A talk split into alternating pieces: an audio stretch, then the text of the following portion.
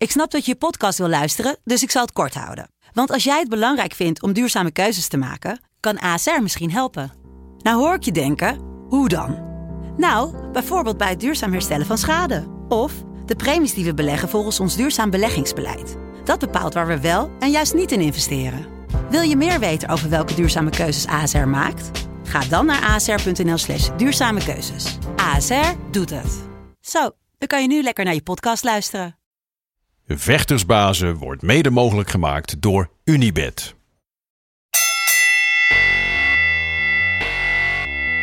It's time for Vectorsbazen!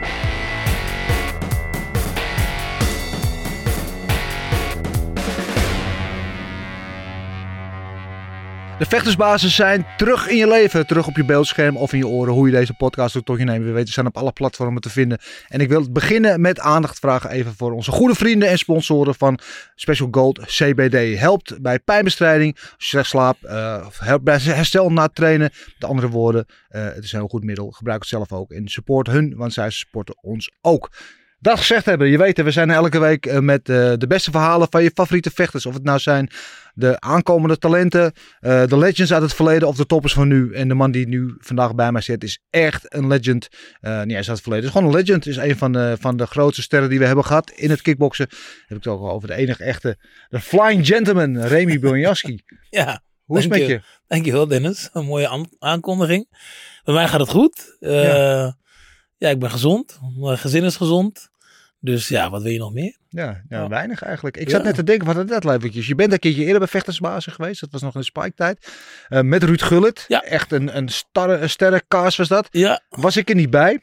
Zat ja, je, je was corona? wel bij. Ja, ik was, er wel, er ja ik, was er, ik was in de kamer. Ik was niet in de kamer. Ja. ja. Ja, dat zat me nog steeds heel erg te was. Dus ik ben blij dat we dat nu goed kunnen maken. Goed zo. Uh, ja, we, we, gaan het over heel veel hebben natuurlijk over wat je nu allemaal doet. Uh, van je eigen programma, je eigen platform tot en met de kinderboeken. Uh, maar wilt ook, ook over jou als vechter hebben. En, en het mooie verleden dat je hebt gehad bij de K1. De drievoudige K1 World Grand Prix winnaar. Ja. samen met Peter Aarts. En Hoos en de Schild hebben er allebei vier. Dus dat zijn de, de vier grootste legendes Mhm. mm -hmm. van jou. En ik, wat, als ik jouw verhaal ken, want jij bent vrij laat begonnen met kickboksen, hè? want je Ja. zat de voetbal. En, eh, dus het is Toen brak niet... ik mijn been, Ja. linkerbeen. En toen ben ik, eh, heb ik een logische, logische keuze gemaakt door te gaan, voetbal, of te gaan kickboksen. Kickboksen, ja, dat Ja. doe je dan als je last van je benen hebt, dan ga je Ja. kickboksen. Ja. ja, maar dat zou ik me af te vragen. Want sommige ja, gasten zijn hun hele leven bezig en is het echt een droom om topvechter te worden of om de K1 te halen. Zo. Maar bij jou was dat eigenlijk niet zo, want het Nee. kwam heel laat pas. kwam heel laat. Ik, eh, ja, ik ben eigenlijk een klein beetje ingerold eh, door eh, een klasgenootje van mij. Eh, Tim Evert. En ja, die zal ik nooit vergeten eigenlijk. Eh, door hem is het eigenlijk eh, gebeurd dat ik bij met Jurigym kwam. Dat we hadden een discussie over de film van Jean-Claude Van Damme, Bloodsport. Waar die ergens een, eh, in de lucht springt, een draaitrap maakt. Er vallen, vallen ineens vier grote mannen van twee meter neer.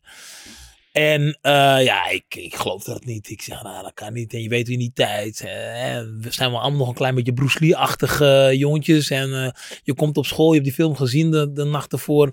En dan ga je dat een beetje uitproberen op je klasgenootjes en zo. En dan spring je allemaal door de lucht.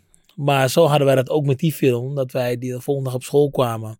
En eh, ja, we hadden een discussie erover. hè. Allemaal jongetjes met allemaal flink veel testosteron.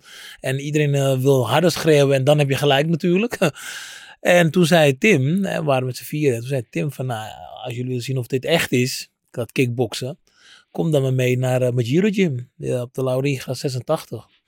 Toen woonde ik nog in, eh in Krijnest. Ja. Ik zat op het Augustinus College in Vensterpolder.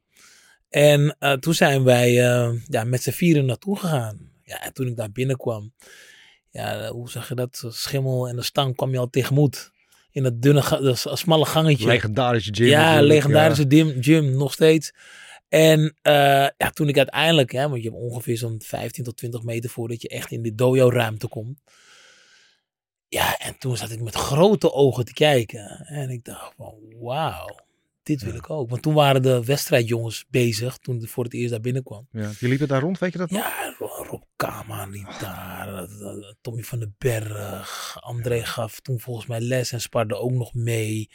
Eh, allemaal jongens, ehm Leo de Snow, weet je, may rest in peace. De, heel veel toppers liepen daar rond. Hm. En ik, maar mijn kaak viel bijna op de grond. Met grote ogen te kijken van, ah, dit wil ik ook, dit wil ik ook. En toen eh, ja, naar huis gegaan. Ik zeg, mam, ik heb het gevonden. Ik heb het kickboksen gevonden. Ja, zeg wat is dat nou, kickboksen?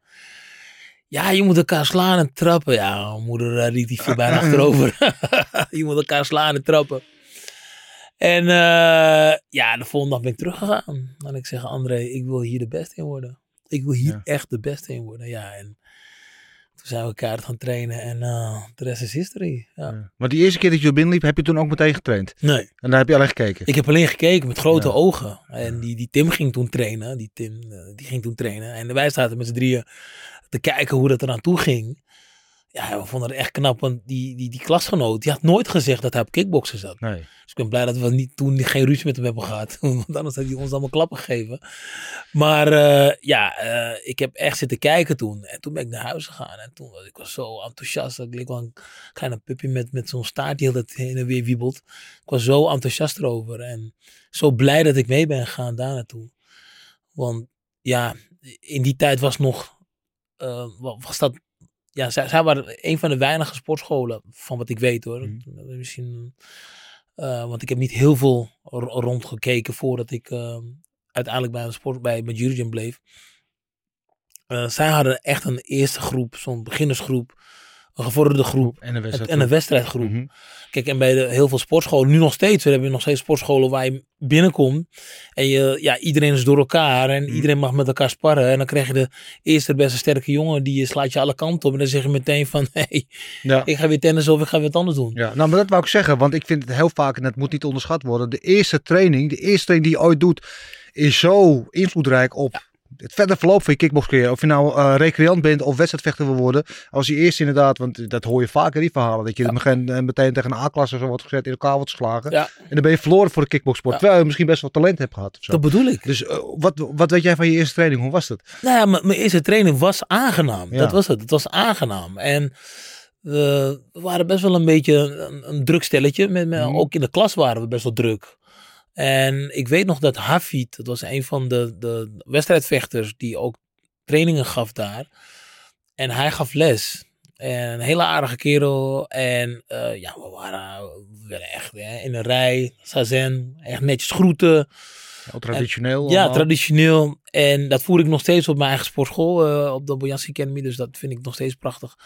En, en eh, ja, daar werd ook meteen verteld van wat belangrijk is.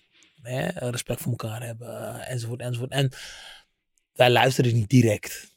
We waren nog een beetje stoerig. eh, Wij kunnen het wel. En, eh, en er was een, eh, en die eerste training, toen had Hafid me meteen gezegd van, hé hey jongens, als jullie hier willen blijven trainen, moeten jullie gewoon aan de regels eh, vasthouden en regels opvolgen. Mhm. Want anders kan je beter wegblijven. En ja, de volgende dag hebben we ook meteen, de volgende keer hebben we ook meteen netjes geluisterd hoor. Eh, maar wij waren wel, eh, ja, in het, begin, in het begin een beetje druk, maar we werden echt wel meteen op onze plaats gezet. En dat vind ik belangrijk. En die, en die training was ook aangenaam, want er werd ook gewoon uitgelegd hoe je moest staan, de houding, handen Ja. hoog, ellebogen bij het lichaam, de kin laag. Dus al die basisdingen werden uitgelegd.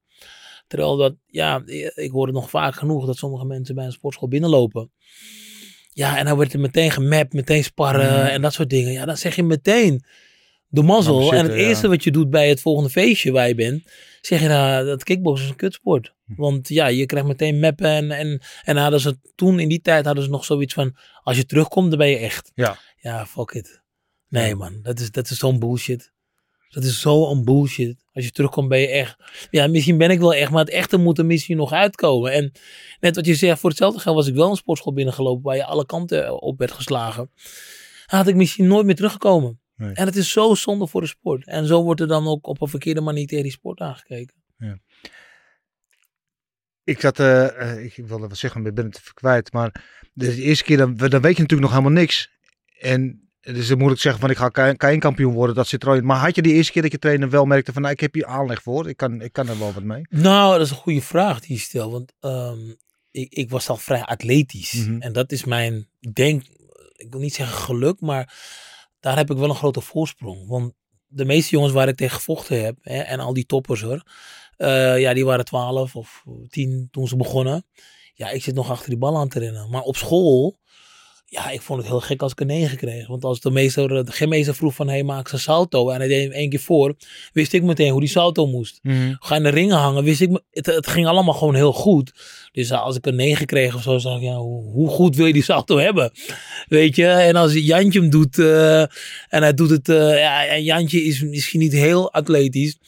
Ja, dan geven ze hem een begin, geven ze hem een 6. En aan het eind van het jaar geven ze hem een 8. Ja. Ah, is wel goed vooruit gegaan. Ja, hey, hou op. Ik ben zelf toch ook ontzettend goed. Ik ben atletisch. Dus ik kon met alles kon ik mee. Of we nou gingen basketballen, volleyballen of wat dan ook. Ik was heel competitief.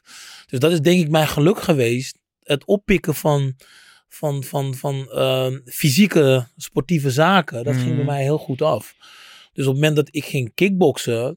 Ja, ehm, ja, je hoeft me maar één keer wat uit te leggen. Dan pikte ik het meteen op. Ja. En dat is denk ik eh, een stukje talent geweest. Waar ik ehm, ja, een goede voorsprong had op de rest. Ja. Want ja, eh 17 liep ik daar binnen. 18 was mijn eerste wedstrijd. En ja, eh, een kleine negen jaar later was ik, was ik wereldkampioen. Heb je er wel eens over nagedacht? Want Je hebt dan gevoetbald. Ik weet niet, of, of was je daar goed in eigenlijk, voetballen? Aardig, aardig. Ik kon aardig mee. Want ik, eh, kleine anekdote. Ik weet dat, dat ik nog meedeed met de instuifdagen bij Ajax. Mhm. eh, toen ze nog in de meer zaten. En dan moet je je voorstellen, komen 500, 500 ki- eh, jongeren van een jaar of 13, 14 jaar komen daar bij elkaar. En dan vallen er 250 af. Dan vallen er een keer 125 af. En uiteindelijk ja, blijft een klein groepje van ongeveer 10 jongens ah, Mhm. over. En eh, van, die, van die 10 mogen er misschien een stuk of acht of eh, zes meetrainen met de, met, Ja. de, met de club. En daar viel ik af. Dus daar echt viel ik af. in de Dus laatste lichting. ik Dus- kwam heel ver Ja. mee, maar ik kon, ik kon nog net Ja. niet. eh, Ik was een verdediger. Ja. Eh, niks te langs. eh, ook um, zonder bal niet langs. Zo'n verdediger was ik. Schoppen, ja. Ja. Lekker. Ja, maar je, je noemt net je atletisch vermogen. En dat is wat jou in je kickboxcarrière natuurlijk heel gekenmerkt heeft. eh, Je de, e- enorm atletisch vermogen, heel explosief, sprongkracht, alles erop en eraan. Weet je, helemaal van heavyweight was dat natuurlijk eh, ongezien eigenlijk. Veel heavyweights hadden dat niet zo. En je hebt van die gasten en die hebben gewoon goede genen. En het maakt niet uit of ze nou atletiek gaan doen, of voetbal, of kickbox in jouw geval. Dus je waren daar sowieso altijd wel, wel goed in geweest. Ja. Heb je dat wel eens afgevraagd hoe je dat in een andere sport, hoe je het er afgebracht zou hebben? Ehm, nou ja, ik, nogmaals, ja, ik heb het me echt wel afgevraagd. Ik heb echt wel afgevraagd van ja, stel dat ik zou gaan, ja, wel volleybal zou gaan doen. Of Mhm. alleen, ik moet wel zeggen, ik ben blij dat ik uiteindelijk bij een individuele sport ben gekomen. Ja. Want bij het voetballen was het af en toe zo dat, ja, je bent, je bent echt een team. Eh, niet dat je bij kickboksen geen team bent, want ik, ik moet er wel bij zeggen dat bij kickboksen, en eh, mensen zeggen heel vaak dat het een individuele sport is, maar je hebt wel een team nodig Ja, om daar tuurlijk. te kunnen schitteren. Maar bij een, een, een teamsport zoals voetballen heb je eh, tijdens de wedstrijd elkaar echt nodig om te verdedigen, om te aan te vallen, enzovoort, enzovoort. Want je kan niet Ja. dat hele veld alleen in je eentje doen. Dus op het moment dat de, de keeper eh, een, een, een goede nacht eh, eh, la- staat te feesten en helemaal eh laveloos thuis komt, eh vier uur s'nachts, en de volgende dag moeten wij om tien uur tegen weet ik veel welke club. Als kooi er elf, ja, en als hij er twaalf doorlaat, heb je alsnog, Mhm. heb je alsnog verloren. Ja. En dat vond ik altijd moeilijk. Kan je, Dat vond- kan je goed tegen je verlies? Ik kan heel sportief goed tegen mijn verlies, Ja. maar ik vind het wel kut. Ik ben wel de hele dag zuur. ja. Ik ben de hele dag zuur als we verloren hebben. Ja. Ja. Ik, dat is mooi, want ik heb vroeger ook wel gevoetbald. Ik had altijd de pest in. En daarom ben ik uiteindelijk gestopt. Ben ik ook met kickboksen begonnen. Want ik had altijd de pest in. Als ik het idee had dat iemand in mijn team niet hard zijn best deed. Dan kon ik echt gewoon woest worden. Dan ben ik ook wel eens uit het veld gelopen. Dat was natuurlijk niet heel anders. gelijk heb je. Maar ja, ja dat, is- dat kan ik me wel voorstellen. Bij kickboksen heb je dat natuurlijk niet. Alhoewel kickboksen natuurlijk wel heel eh, ontluisterend is ook. Want als je verliest, dan doe je het ook echt zelf. Nee, maar. dat klopt, maar dan, dan kan je er zelf ook wat aan doen. Ja. Je kan zelf extra trainen. Je kan zelf eh, weer eh, die, die kilometers gaan pakken, joggen. Je kan zelf heel veel er wat, er wat aan doen. En dat is bij, bij voetballen toch minder, want ik ben geen keeper. En als ik een verdediger ben, of wat dan ook, kan ik er alles aan doen. Maar als die keeper gewoon nog half lam is en hij staat in het goal, dan laat hij de bal door als hij niet scherp is. En dat is, dat is zonde. En dat is... Ja, dat is, dat is lastig. Dat is lastig verteren. Kijk, ehm, en, en dat had ik bijvoorbeeld bij, bij, Gym had ik dat al. Mhm. Als, als die, laat zeggen, we gingen volleyballen. En ja, dan zegt de meester van jij links, jij rechts, jij links, jij rechts. En dan heb je een teampje bij elkaar waar je niet zelf voor gekozen hebt. En dan kijk je naast je en denk je, oké, gaat Jantje die, eh, die bal tegenhouden als hij eh, over het net komt. Ja, de eerste keer dat die bal komt en hij is voor Jantje en hij laat hem vallen. Dan weet ik dat als die bal weer bij Jantje komt, dat ik ervoor spring om hem terug te slaan. Ja. En dat is, Ja, aan de kant. niet, dat is niet cool. Mhm. Maar aan de andere kant, ik wil niet verliezen. Nee, Ik een wil streber niet- dus. Ik ben echt een streber. Ja. Ja. Ja. Wat vind je zo mooi aan vechten? Ik zeg maar, iedereen heeft een reden waarom hij vecht. En dat hoeft niet altijd dramatisch te zijn, maar iedereen heeft een reden waarom hij doet wat hij doet. Weet je? En als je er heel klinisch over nadenkt, is vechten is natuurlijk eigenlijk heel geks. Hè? Dat je een ring in gaat tegen een andere man die jouw kop eraf wil slaan, jou zijn kop. Als je erover nadenkt, als je dat gaat analyseren, is het misschien een beetje gek. Maar we zijn er allemaal gek op, om, allemaal om onze eigen reden. Wat is wat jou zo aantrekt in die sport? Wat jij er zo mooi in vindt? Ik, ik vind het heel puur. Ik vind het heel puur, deze sport. Eh, het is in mijn ogen heel eerlijk. We hebben er allebei voor gekozen. En men moet het niet meteen associëren met vechten. Eh, met vechten op straat, heb ik het dan Mhm. over. Hè, we, we maken allebei de keuze van, hey, we gaan in de ring in. En we gaan gewoon technisch laten zien dat de een beter is. En op een gegeven moment dat je niet meer wil, eh, tik je af. eh, wordt de handdoek gegooid. Dokter, eh, we hebben allemaal regels ervoor om de wedstrijd te beëindigen. Dus het is absoluut wat anders dan vechten op straat. Want bij het vechten op straat weet je wel waar het begint, maar je weet niet waar het eindigt. En bij het, bij het, bij het kickboksen weet je 9 van de 10 keer waar het eindigt. Weet je, want alle regels heb je ervoor om de wedstrijd te beëindigen. En ja, ik, ik, op het moment dat ik het zag, de eerste keer, vond ik het heel puur. Hmm. En het was in mijn ogen heel sportief. Ja. Ook al moet je iemand mappen, ook al word je teruggemapt. eh, je ziet heel gauw na het, spa- eh, het sparren dat men elkaar een box geven en zegt: hey, goede sparring. Je ziet het bij wedstrijden, na een goede wedstrijd, of het nou hard was, of het bloed alle kanten op spatten. Tijdens de persconferentie dan je nog, nog in elkaars bek.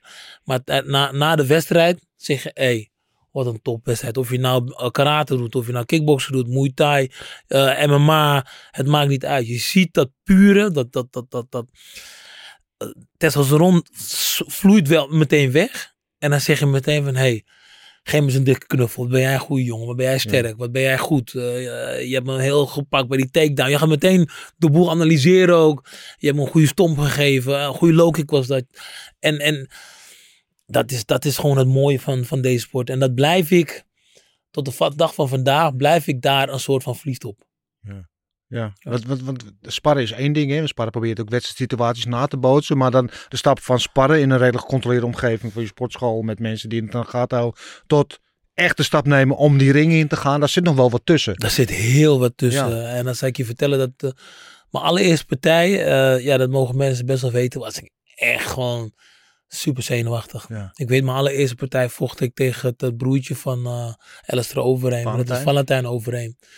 De eerste keer dat ik hem in de ring zag, en toen was hij al, hij had al heel wat judo-partijen gevochten. Eigenlijk was hij niet echt een nieuweling meer, want die, die wedstrijd kan je nog op YouTube bekijken. Het was een hele rommelige wedstrijd met gooien en werpen en doen. Maar ik weet nog dat ik, uh, we vochten in Zonnehuis, heel zenuwachtig was ik. Zat in de kleedkamer en we moesten met echt een best wel een groot team moesten daar vechten. En het, de, de jongens kwamen binnen die voor mij vochten. Ja, de een had gewonnen, de ander had verloren, en had gewonnen. En heel veel wonnen ook. Waardoor de druk een beetje hoog werd. Dus dan ga je nog zenuwachtiger worden. En op een gegeven moment noemen, roepen ze je naam uh, dat je de, de, ring in moet. En ja, dan hadden we nog van die hele lelijke badjas. Hadden we nog knalrood. Of de mijne was volgens mij geel, weet ik niet meer precies. Maar het was super lelijk met al die sterren erop en zo. En we liepen zo, ik liep zo de ring in. En ik zie aan de overkant zie ik hem staan. Hij had een hele dikke nek kaal, grote tribal op zijn borst. En dan sta je daar tegenover een bullebak die jou je hoofd eraf wil slaan. En ik moet het bij hem proberen. Ja, je, het is een hele gekke wereld. Uh, ik noem die ring altijd een, een, een stuk chaos op aarde. Mm. Want je staat tussen die vier touwen. Op een verhoging. Mensen staan aan de kant jou toe te roepen dat je moet winnen. Ja, en je en ding moet doen. als iedereen dichterop. Ja, ja, dichterop. En ja, en je kan je op een, een of andere manier sta je daar. En uh, ik kan, kijk, als ik terugdenk aan mijn eerste wedstrijd, zijn er gewoon stukken weg. Hmm. Dat wil niet zeggen dat ik heel veel klap op mijn hoofd gehad heb of wat dan ook. Maar nee, je, je bent in zo'n. bent, ja. Je bent zo in een soort waas. Een soort. Het lijkt wel alsof je sommige stukken gewoon niet gezien hebt, niet meer weet wat je gedaan hebt. Maar het is omdat ze de beelden hebben dat je het nog weet. Ja. Maar als ik die beelden niet meer had, was het denk ik misschien heel anders gelopen in mijn hoofd dan dat, ik, dan dat het werkelijk zo was. Omdat het, is, het gaat allemaal zo snel. Ja. Het gaat allemaal hard.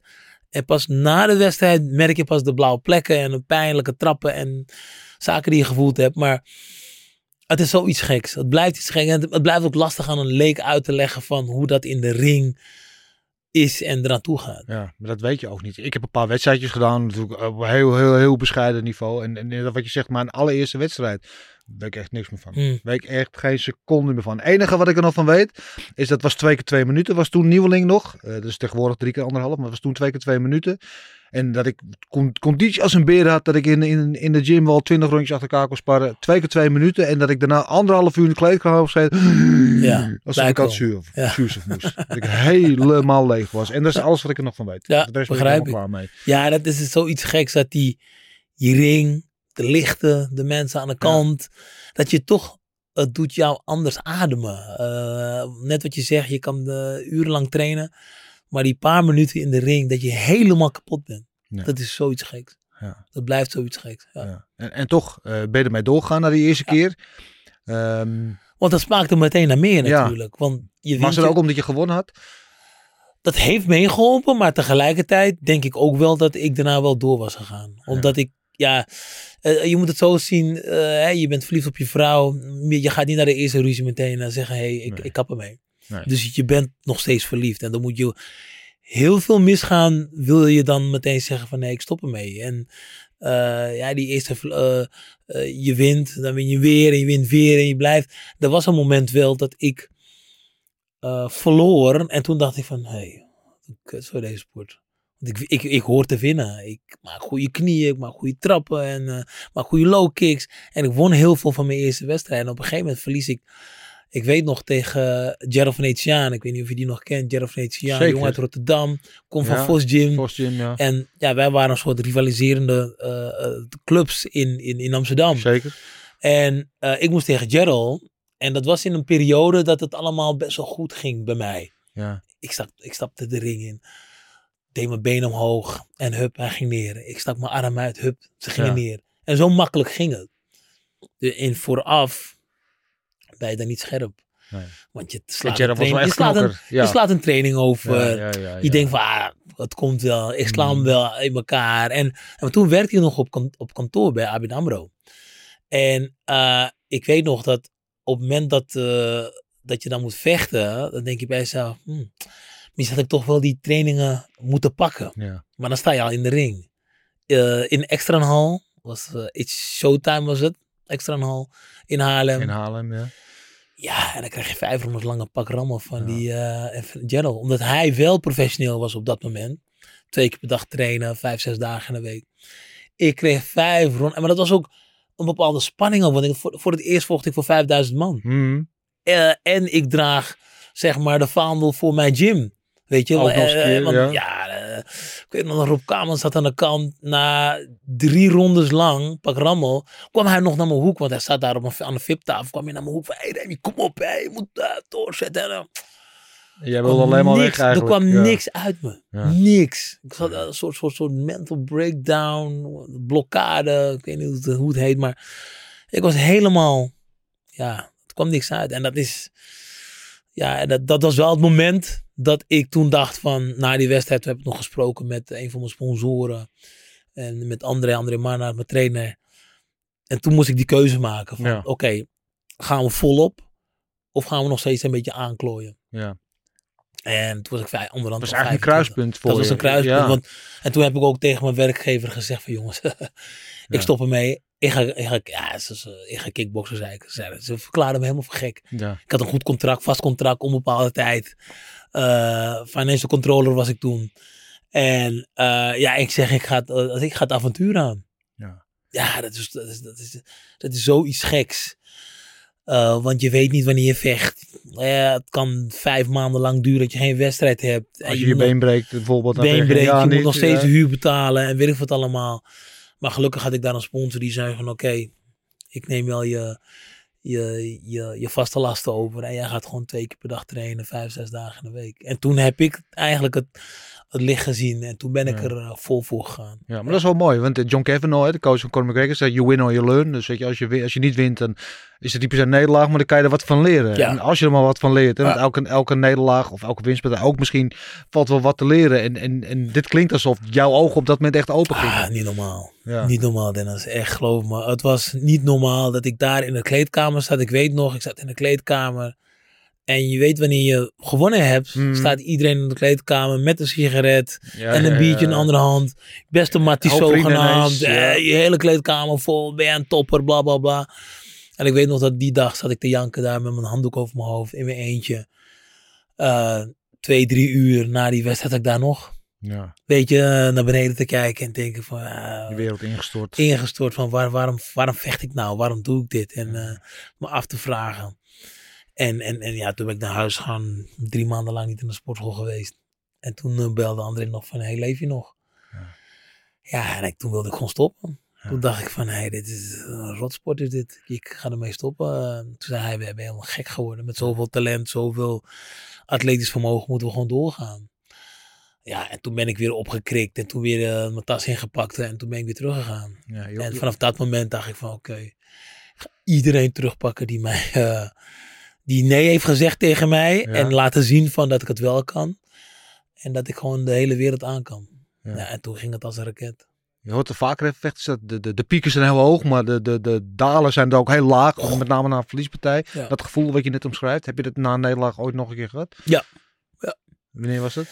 Eh, tegen Sam Schild, de eerste keer dat ik tegen Sam Schild vocht. Ja. Eh, volg, ik weet het niet zeker, maar volgens mij was het in Nagoya, Japan.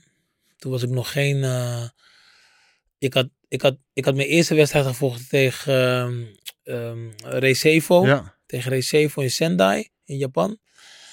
En toen mocht ik meteen tegen Sam Schild. En Sam Schild was. Ja, lekker dan. ja, Ik was net eh, een zes jaar bezig met kickboksen. Hij had al pankeraskampioen, was hij al. En hij heeft eh, En toch die Pride. zoveel, zo UFC, pride. eh, Ja, hij heeft, hij heeft alles gedaan al. En toen mocht ik als eerste tegen hem. Dus na, nadat ik tegen uh, Recevo had gewonnen, mocht ik meteen tegen hem. Ja, en toen had ik weer datzelfde moment dat ik even een, een, een blokkade had. Ik had, eh, toen stond ik voor het eerst voor, ik denk 30.000 mensen. Toen 30.000 mensen was een kleine hal. mhm. Ja, kleine Klein, hal. relatief aan de Ja. Japanse begrippen. Voor ja. Japanse begrip was dat vrij klein. 20, 30.000 men, mensen waren daar. En ja, ik, ik, ik, ik, ik ja, had ook weer zo'n blokkade. En toen dacht ik ook, ja, iedereen een soort van boos op me. En eh, dit is je kans. En er kwam niks uit. Nee. En dat, dat was het, het, het tweede sprongetje wat ik had. Het tweede sprongetje wat ik, of eigenlijk die tweede nederlaag die ik nodig had om weer die, die push vooruit te maken. Ja. Want op het moment dat je verloren hebt, dat zijn de momenten dat je denkt van, Wat moet er anders? het moet anders, het moet Ja. beter. Je moet no- nog harder stoten en nog harder trappen tijdens de training. Je moet nog, die mindset moet anders. En dan, je gaat eh, bij jezelf te raden. Mhm. Weet je, en, en, en daarom denk ik soms wel eens van, dat sommige kampioenen die nooit verliezen of heel lang niet verliezen, denk ik wel eens van, ze hadden veel beter kunnen zijn. Ja. Nee, maar nog veel beter kunnen zijn dan dat, ze, dan dat ze nu zijn. Want waarom zou je wat veranderen als je wint? Dus als je wint, ja, dan Ja. gaat alles goed, toch? Juist. En dan blijf je- zoveel dingen Ja, want ze zeggen wel eens, we never change a winning team. Maar juist als je verliest, ga je dingen uitproberen die misschien nog beter gaan dan je ooit tevoren had gedacht. Ja. Dus daarom, ja, die verliespartijen, ja, die, die, die, die zou ik graag weer willen verliezen als ik eh, het, het leventje weer mocht beleven, weet je. Zodat ik wel die, dat moment van verliezen meemaken en denk van, ah, met die vuist op tafel, denk van, ah, we moeten het anders doen, we moeten het beter doen. Ik moet een, ja, nog harder mijn best gaan doen. Ja, wat Ja. was het nou die wedstrijd tegen Schild? Wat je toen veranderde? Wat, wat toen de switch werd voor jou?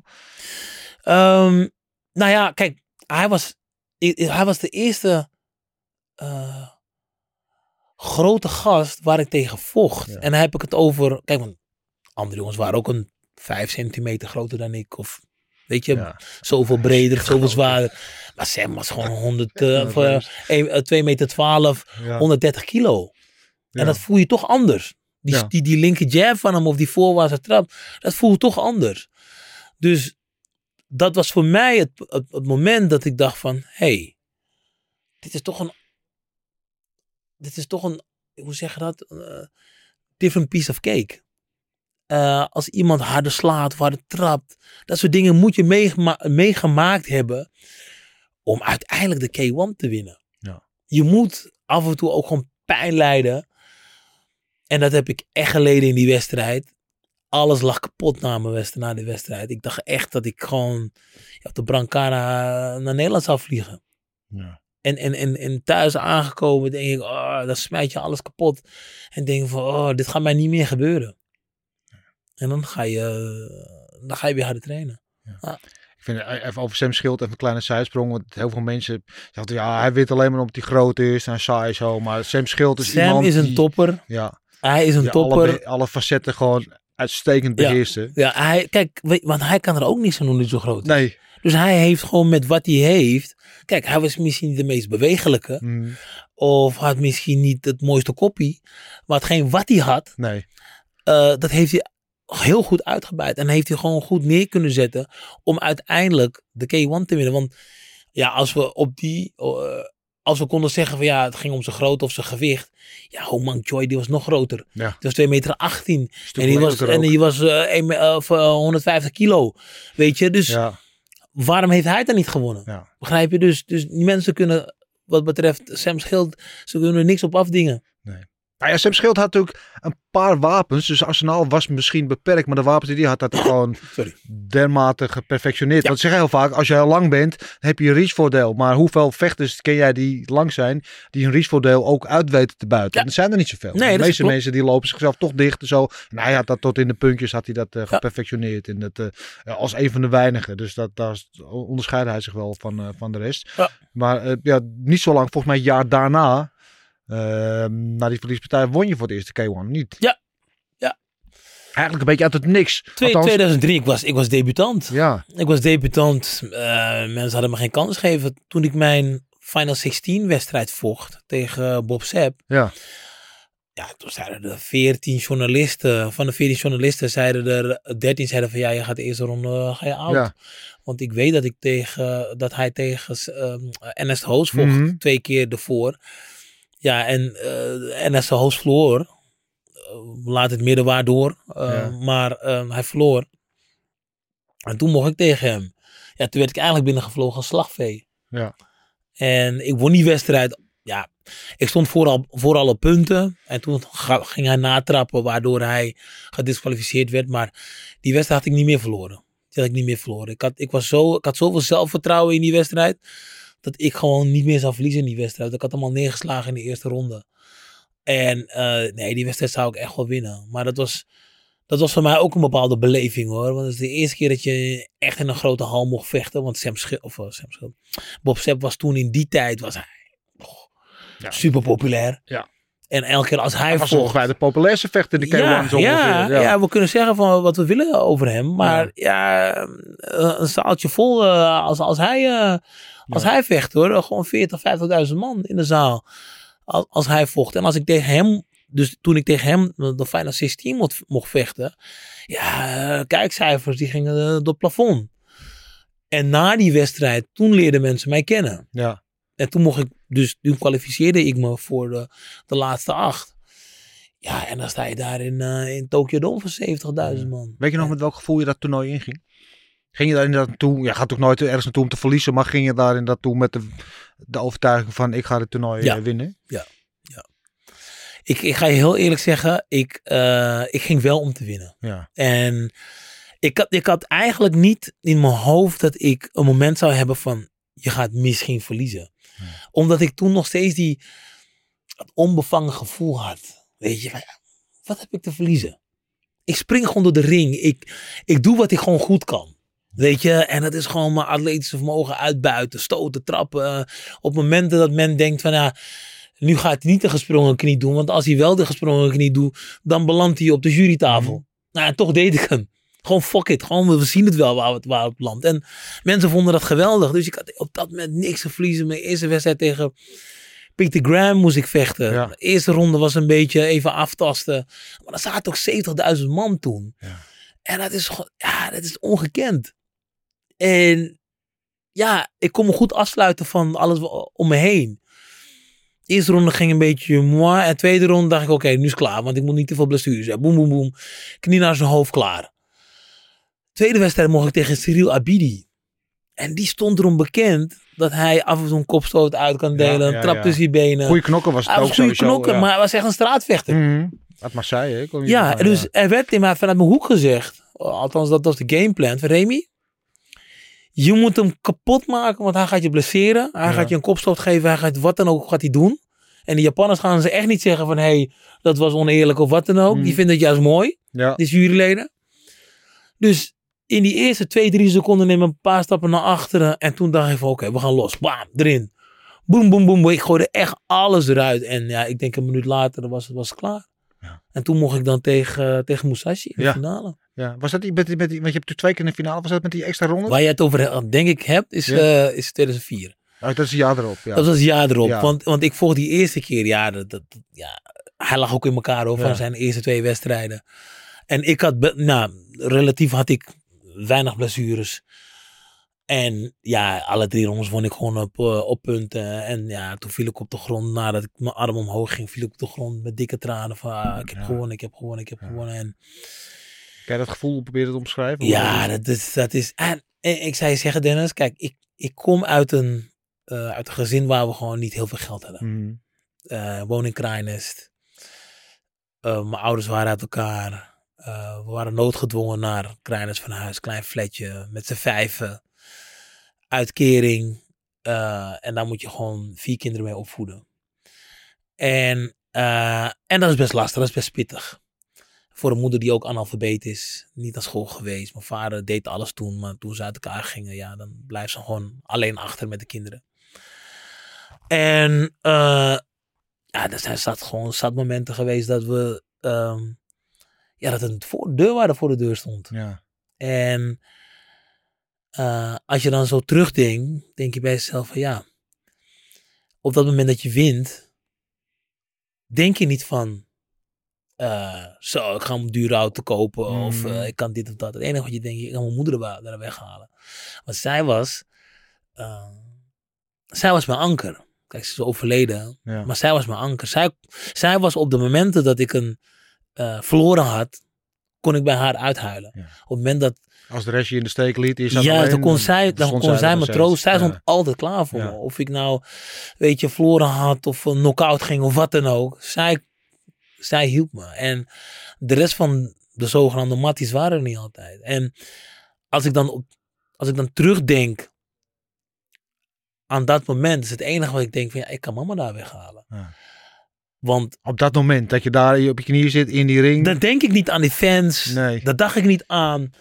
eh, of ik nou wel of niet goed had gevochten. Dan denk ik niet aan alle mooie dingen die me dat geld kan kopen. Want op dat moment krijg je 400.000 dollar. ja. Plus sponsorgeld. Plus bon, knockout bonus. Ja, plus weet ik veel wat. op een dus- gegeven moment loop je met 600.000, 700.000 euro naar, naar huis. Weet je. Of eh, dollar naar huis. En dan kan je heel wat mee. Dan kan je, je, het, het kan je leven veranderen. Ja. En dat heeft het ook gedaan. Maar wat ik belangrijk voor vond, is dat ik het leven van mijn moeder kon veranderen. Want ze had het gewoon moeilijk. Ze ze had het met ons gewoon moeilijk. Ja. Weet je? En want kijk wat heel veel mensen niet weten. Want wat ze vaak zien, ze zien vaak van, ah, hij lijkt, rijdt, rijdt een leuke auto en hij komt op tv en bla bla bla. Zij zien niet de moeilijke momenten dat je meegemaakt hebt. Ze zien niet de momenten dat jij weer met het tasje op je rug in die metro aan het glippen bent naar, naar, naar Lauriergracht of eh, helemaal van fietsen. Want ja, op een gegeven moment hadden ze van die hekjes en die poortjes en eh, metrocontroles en weet ik wat allemaal. Ja, als je je daar pakt, heb je gewoon weer een boete te pakken. Mm. Ja, eh, dan, moet- hoe moet je dat aan je moeder uit gaan leggen die al geen geld heeft? Dus dan fiets ik soms helemaal vanuit de Bijlmer, helemaal naar, naar het centrum, om daar een uur te kunnen gaan trainen. Ja. Weet je? En dan weer terugfietsen als je allemaal klap hebt gehad van een type zoals Rob Kamer en weet ik veel wat allemaal. René Rozen en, en al die andere gasten. Ja. vind dan maar je fiets terug. Maar ik deed het wel. Ja. Weer of geen wind, ik deed het wel. En daar zijn die mensen niet die jou zeggen van, hé, hey, weet je wat, ik geef wel een lift. Of, hé, hey, hier neem maar vijf gulden, weet je, pak dan de metro en eh, ja, het komt wel. Er zijn maar weinig mensen die me daarin gesteund hebben. Ja. Maar op, op die momenten, ja, je wil niet weten, Dennis, weet je, dat als eh, op het moment dat je moeder zegt van, hé, hey, eten jullie maar, weet je. Ah, kut, sorry. Eten jullie maar, weet je. Eh, Ik eet morgen wel. Ja.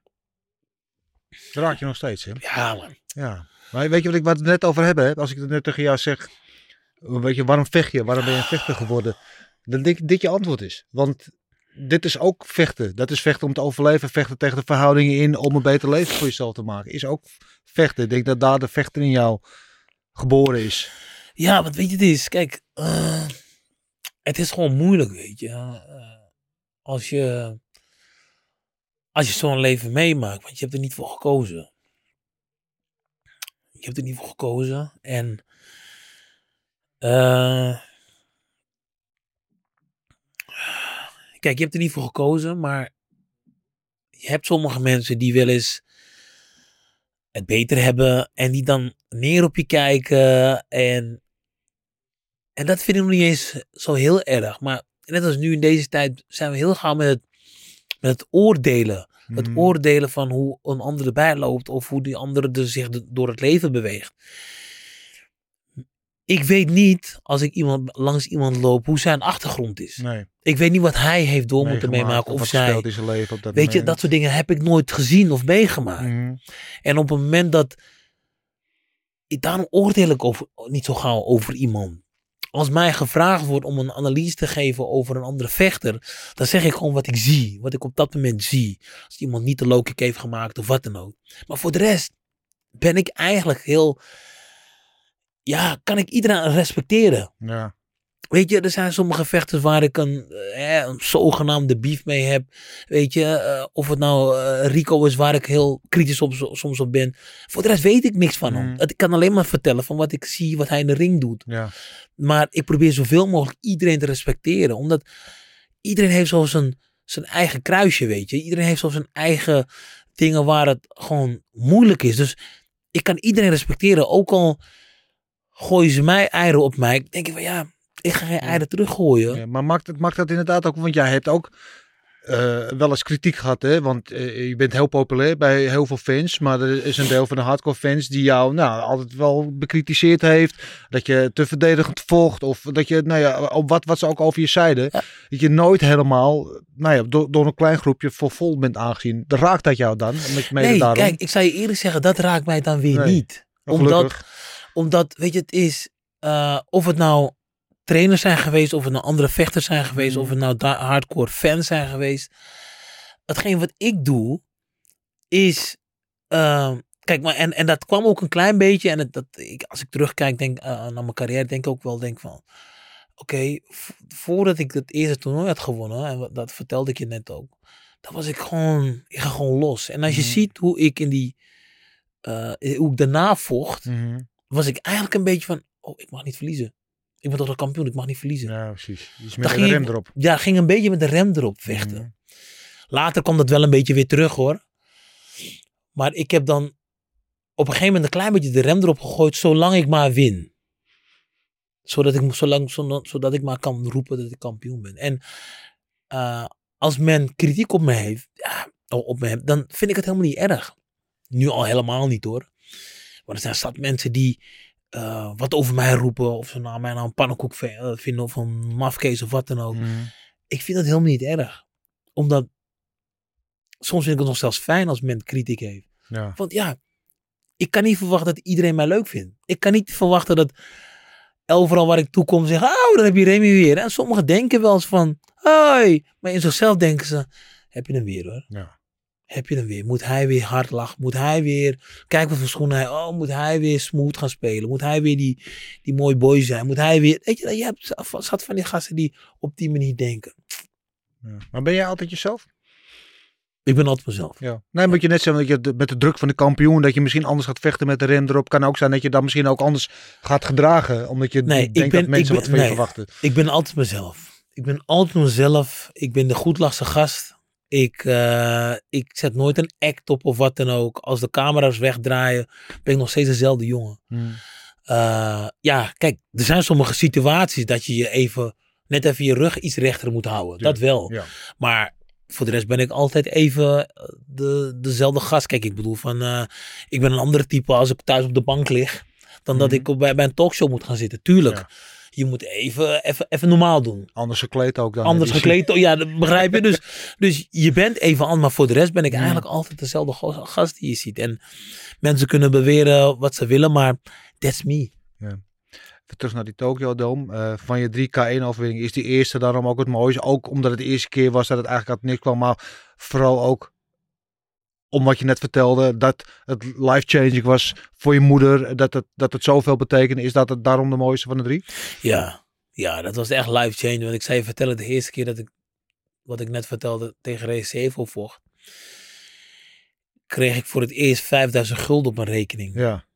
Voor het eerst, vroeger had je dat zo'n telefoon waar je naartoe kon bellen. Hm. En dan kon je horen hoeveel geld je op je rekening Ja, had. ja. En dan hoor je zo'n poem. Net als wanneer je belde voor je klok. Ja, om te ja, horen ja. hoeveel laat het was. En dan hoor je gewoon hoeveel, hoeveel geld je op je rekening had. ja. Dat was niet normaal. Ik heb, Hoe weet, je je niet hoe vaak. Ja, ik wou net zeggen. Ik weet niet hoe vaak gebeld heb. Niet normaal. Ophangen nog een keer. Ja, ja, want ik kon het gewoon niet geloven. Zoveel Ja. geld op mijn rekening. Ja, eh, ik had, eh, toen had je nog een soort studiefinanciering. En dan kreeg je 117 g- gulden op je rekening gestort.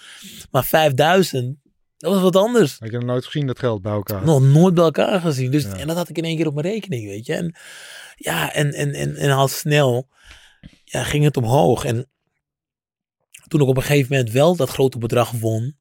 En een contract tekende bij, bij de K1.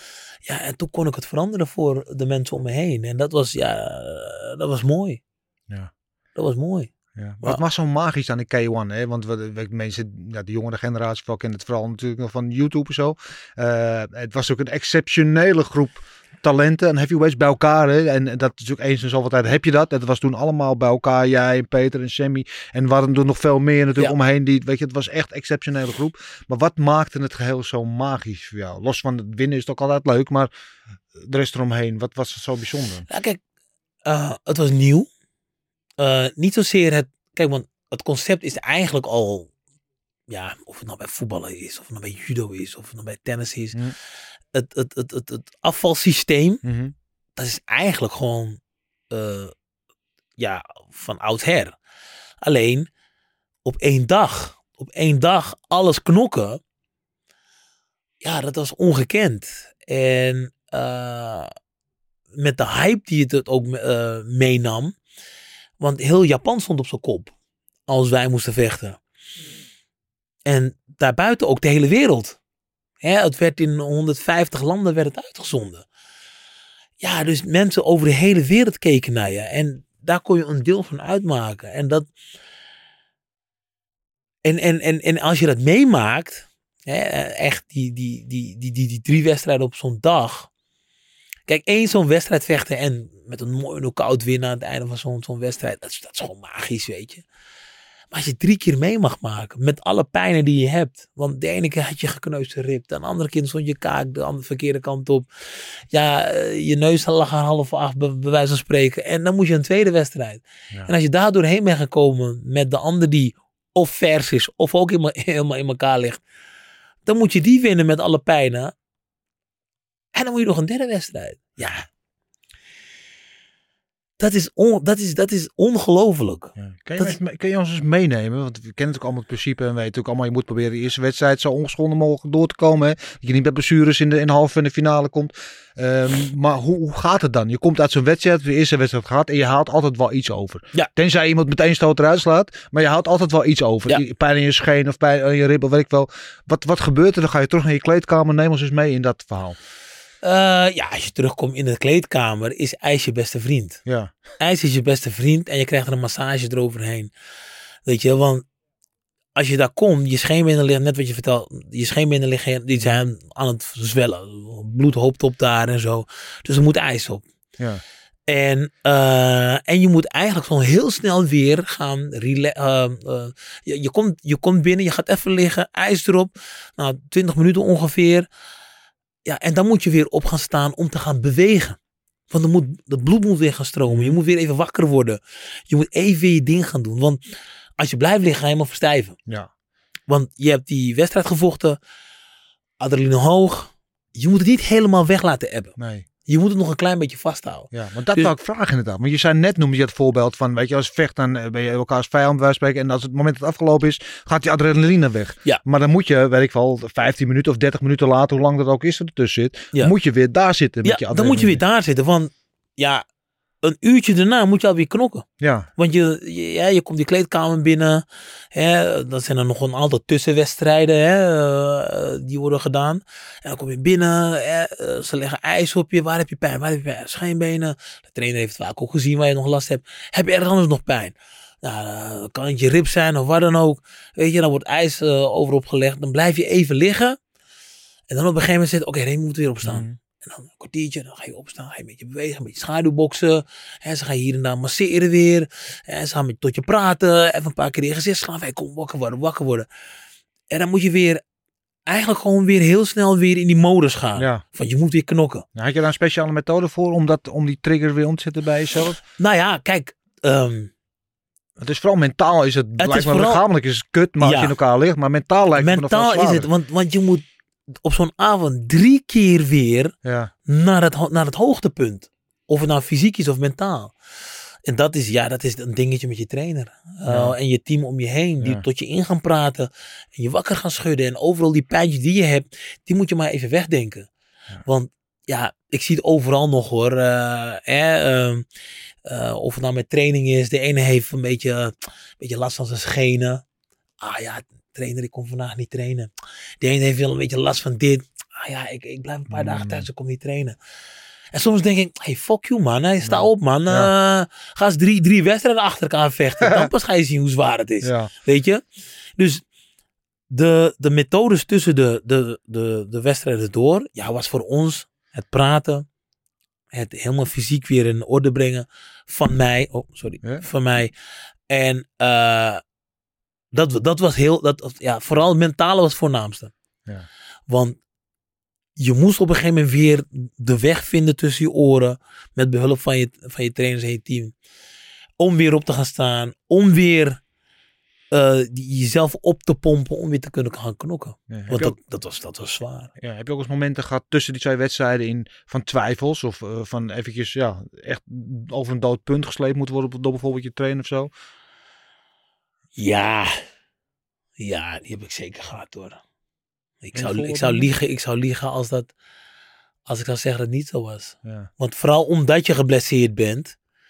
Hè, want eigenlijk ben je overal, of het nou je scheen is, je, je, je, je wreef. want Je hebt weer op een, eh, op een elleboog getrapt. Of op een, eh, op een scheenbeen of een knie of wat dan ook. Of je, je schouder ligt half uit de kom. Want het, ja, die, hij stapte net naar achter toen ik net die directe stoot maakte. Dus al dat soort dingen spelen mee. En waar die twijfel beetje ook bij je erin komt. Want als je in de kleedkamer zat, had je altijd van die tv's in de kleedkamers. Dan kon je de, de, de wedstrijden zien van de anderen. Mhm. En dan zie je gewoon van, wat een motherfucker. Gaat hij na één minuut al liggen? Want ik weet nog dat ik, ik vocht, eh, was het eh, toernooi, even kijken, 2006 was dat. Vocht ik mijn eerste wedstrijd tegen Badr. Ja. Nou, loodzware wedstrijd. maar, eh, opkomende, geweldig talentvolle jongen. Sterk. Sloeg iedereen knock-out en zo. was geweldig ook. En ik lood tegen hem. En dan moet je die eerste wedstrijd tegen Badr vechten. Nou, Ja. zware pot. Want hij was een hele een hoog tempo wedstrijd. We geloven was echt hoog tempo. Nou, ik win die wedstrijd op punten. Ga naar de kleedkamer, ijs erop natuurlijk. En hele ritueel. En eh, Peter, ik weet alleen niet meer tegen welke Japanner hij moest. Maar hij moest tegen een Japanner vechten. Mhm. Ah, ik denk dat je wil niet weten. Ik denk dat hij Peter hooguit een 1 minuut 20 in de ring heeft gestaan. Ja. Geeft die jongen een hoge trap op zijn dekking. Ja. Op zijn, op zijn dekking. ja. Trapt hij hem. En hij gaat liggen. En hij blijft liggen. Ik dacht, oh. Je hoopt natuurlijk dat Peter Ook twee, drie wedstrijden. Ja. En dat hij ook een paar tikken krijgt. Ja. Zodat ik meer kans maak. ja. Dat het in ieder geval een beetje een level playing field is. Juist, juist. Maar hij ging na een minuut al liggen. denk ik van, oh man. Maar dan weet je, dan denk ik bij. Ja, Peter is niet de minste. Dat Peter is echt een van de grootste toernooivechters. Weet je, en dan moet je tegen hem. En ik denk, ik loop er een mank bij. Moet je, en dan gaat het een beetje tussen je oren zitten. Ja, dan krijg je die tik op je achterhoofd van, hé hey Remy, even normaal doen. Hè, want je moet vechten, kom op. En, uh, maakt niet uit of het beter is. Jij bent jong, jij bent beter. Oh, en dan wordt zo tegen je ingesproken. En dan ga je er ook een beetje in geloven. Maar je hebt wel even dat momentje gehad dat je denkt van, ah, kom op. Ga nou staan, man. Uh, Ga, ga hem een beetje pijn doen, zodat ik het af kan maken. Maar nee, dat zat er niet in. Dan sta je uh, drie rondjes tegen Peter. Ja, dan verlies je punten natuurlijk. Uh, ja, hij was nog helemaal vers. Ja. Peter was nog helemaal vers. Hij had nog niet één stoot gehad of een trap gehad. En dan sta ik uh, half mank, net een drie rondes tegen Badder achter me kiezen. En dan moet je nog tegen, een keer tegen Peter. Ja, dat is, dat is Wat een mazzel. Ja. ja. dus ik verloor punten. Ja. ja. Dus daar, daar is wel die twijfel er een beetje ingeslopen toen. Ja. Ja. Ja. ik heb één, want K1 was ik, nou, heb ik allemaal op televisie gezien natuurlijk, maar uh, in mijn werkte voor Glory destijds, toen Glory 2017 volgens mij de acht man toernooi een keer deed. Uh -huh. en, en ik vond dat echt fantastisch om te zien, weet je, inderdaad, wat, je, nou, wat jij omschrijft, de vechters naar de kleedkamer, een half uurtje inderdaad, uh, proberen zichzelf zo goed mogelijk in de race te houden om weer te gaan vechten en zo. En ik weet hoe Jamal Ben Sadiq, die kwam uit zijn halve finale en die wist toen al van zichzelf, ik heb mijn arm gebroken. Ja. En die moet dan naar de medical check.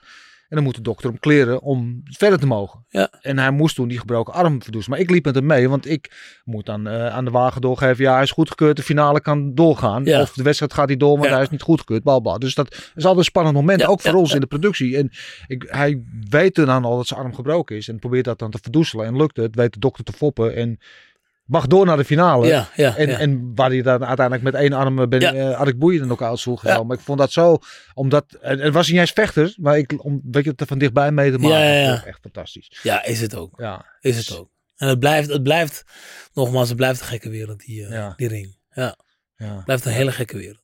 En ja, en ja, met dat gezegd hebben, het blijft de sport gewoon. En in die, in die K1 blijft gewoon, ja, het zal altijd in mijn hart blijven. Ja. Want dat heeft mijn leven veranderd. Ja, ben- los van natuurlijk, je hebt er een, een, een gyms aan overgehouden en een bedrijf en, en bekendheid en faam en, en geld en zo. Maar los daarvan, wat heeft het vechten jou gebracht? Wat heeft het jou als mens gebracht? Het heeft me echt dus mijn oren sterk gemaakt. Zelfvertrouwen heb ik erdoor gekregen. Anderen te respecteren. Eh, en ehm, het heeft me ook geleerd om met beide benen op de grond te blijven staan. Eh, kijk, want ook al zie je me op tv, ook al zie je me in programma's of wat dan ook. Ik ben een down-to-earth jongen. En ook al zal ik voorbij iemand lopen, dat is gewoon omdat ik niet gezien heb dat jij het bent. Of dat ik niet meer weet wie jij bent. Maar het is niet omdat ik iemand niet wil groeten of wat dan ook. Ik ben, ik ben altijd geprobeerd mezelf te blijven. Ook al is dat niet altijd even makkelijk hoor. Want Nee. soms moet je voor die. Heb je haast voor het vliegtuig. Dat je niet een handtekening kan zetten. Of soms heb je wel eens. gewoon geen zin. Ja. Om met iemand te praten. Maar dat Mhm. moet ik ook kunnen hebben. Want Ja. ik ben ook een Ik mens. ben ook een mens. Maar Ja. dat wordt je soms meteen. Wordt er meteen in een hoekje gegooid van hij is arrogant. Arrogant. Maar ik, ja, ik, ik ben net wat je zegt, ik ben ook een mens. Want elk mens heeft de ene dag dat hij wakker wordt. Nou, ik heb er vandaag zin in. Of je wordt juist wel heel ehm, vitaal wakker. En je denkt van, oh, ik kan de wereld aan. Maar soms zijn er ook gewoon momenten dat je gewoon niet lekker voelt. Weet ik veel, je hebt eh, net een woordenwisseling gehad met je vrouw. Of eh, je, je kinderen zijn heel vervelend geweest die dag. Of wat dan ook. Het loopt allemaal even niet. Ja, dan komt net die fan. Die, die, die, die, die grootste fan van je rent naar je toe. Hey, Remy, mag alsjeblieft een foto? Ja, hey, nu even niet. Ja. Op dat moment weet hij niet dat jij een kutdag hebt.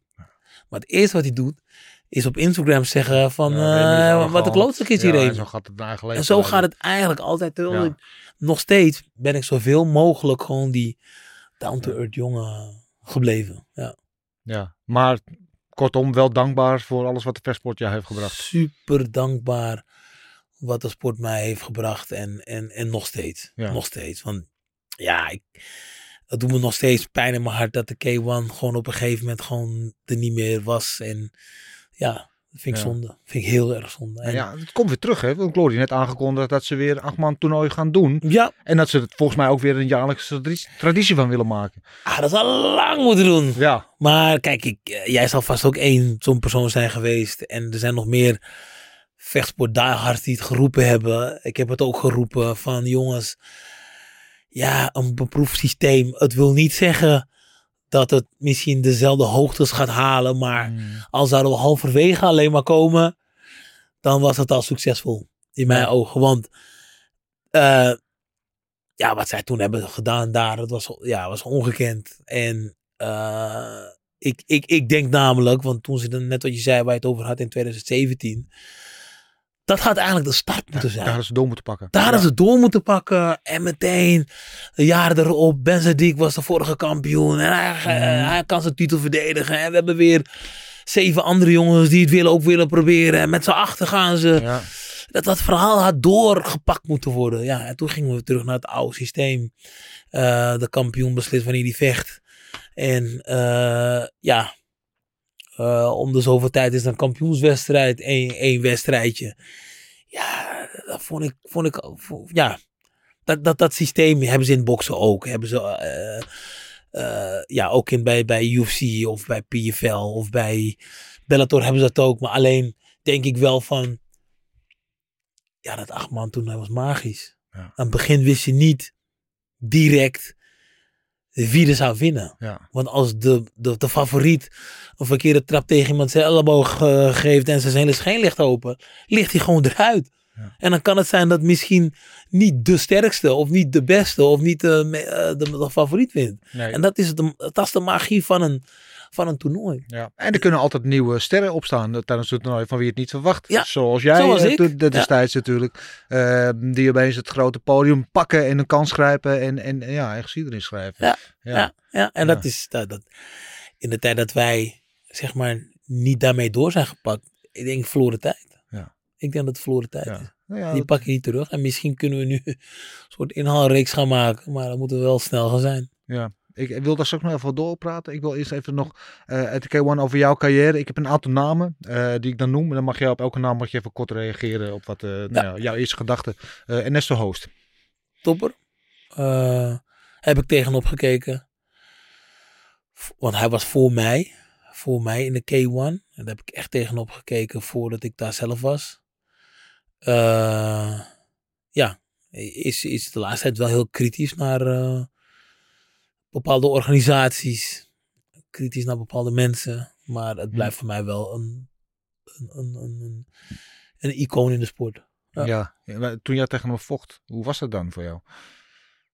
Het Ja, je, kijkt, je kijkt eerst Ja. tegen iemand op en dan mag je in één keer tegen hem staan. Nou Ja, dat was, het was sowieso al gek hoor, omdat wij, want toen ik in 2003 vocht, was hij er niet en was Jeroen Lebanner er niet. Ja. En volgens mij was er nog een vechter er niet, die als van de gevestigde orde was er niet. En toen werd er al vanuit de media gezegd van, ja, Reem heeft wel gewonnen, maar het toernooi was misschien niet zo sterk als normaal. Ja. Dus er werd ook al gezegd dat het een soort eendagsvlieg was. En 2004 won ik hem weer. Ja. En toen waren wel alle sterren erbij. En toen mocht en, en ik werd meteen uitgeloot tegen NS de Hoos. Ja. Ja, dat was een hele gekke wedstrijd was dat. Ja. Want het, eh, het ging vrij gelijk op. Toen kwam er een extra ronde. En ik weet nog dat ik hem in die extra ronde een rechter opstoot gaf. Ik liet hem missen met de linker directe. Gaf hem een rechter opstoot. En die was, voor de jury was dat een soort van... Beslissend moment. Ja. ja. En, en waardoor ik de wedstrijd won.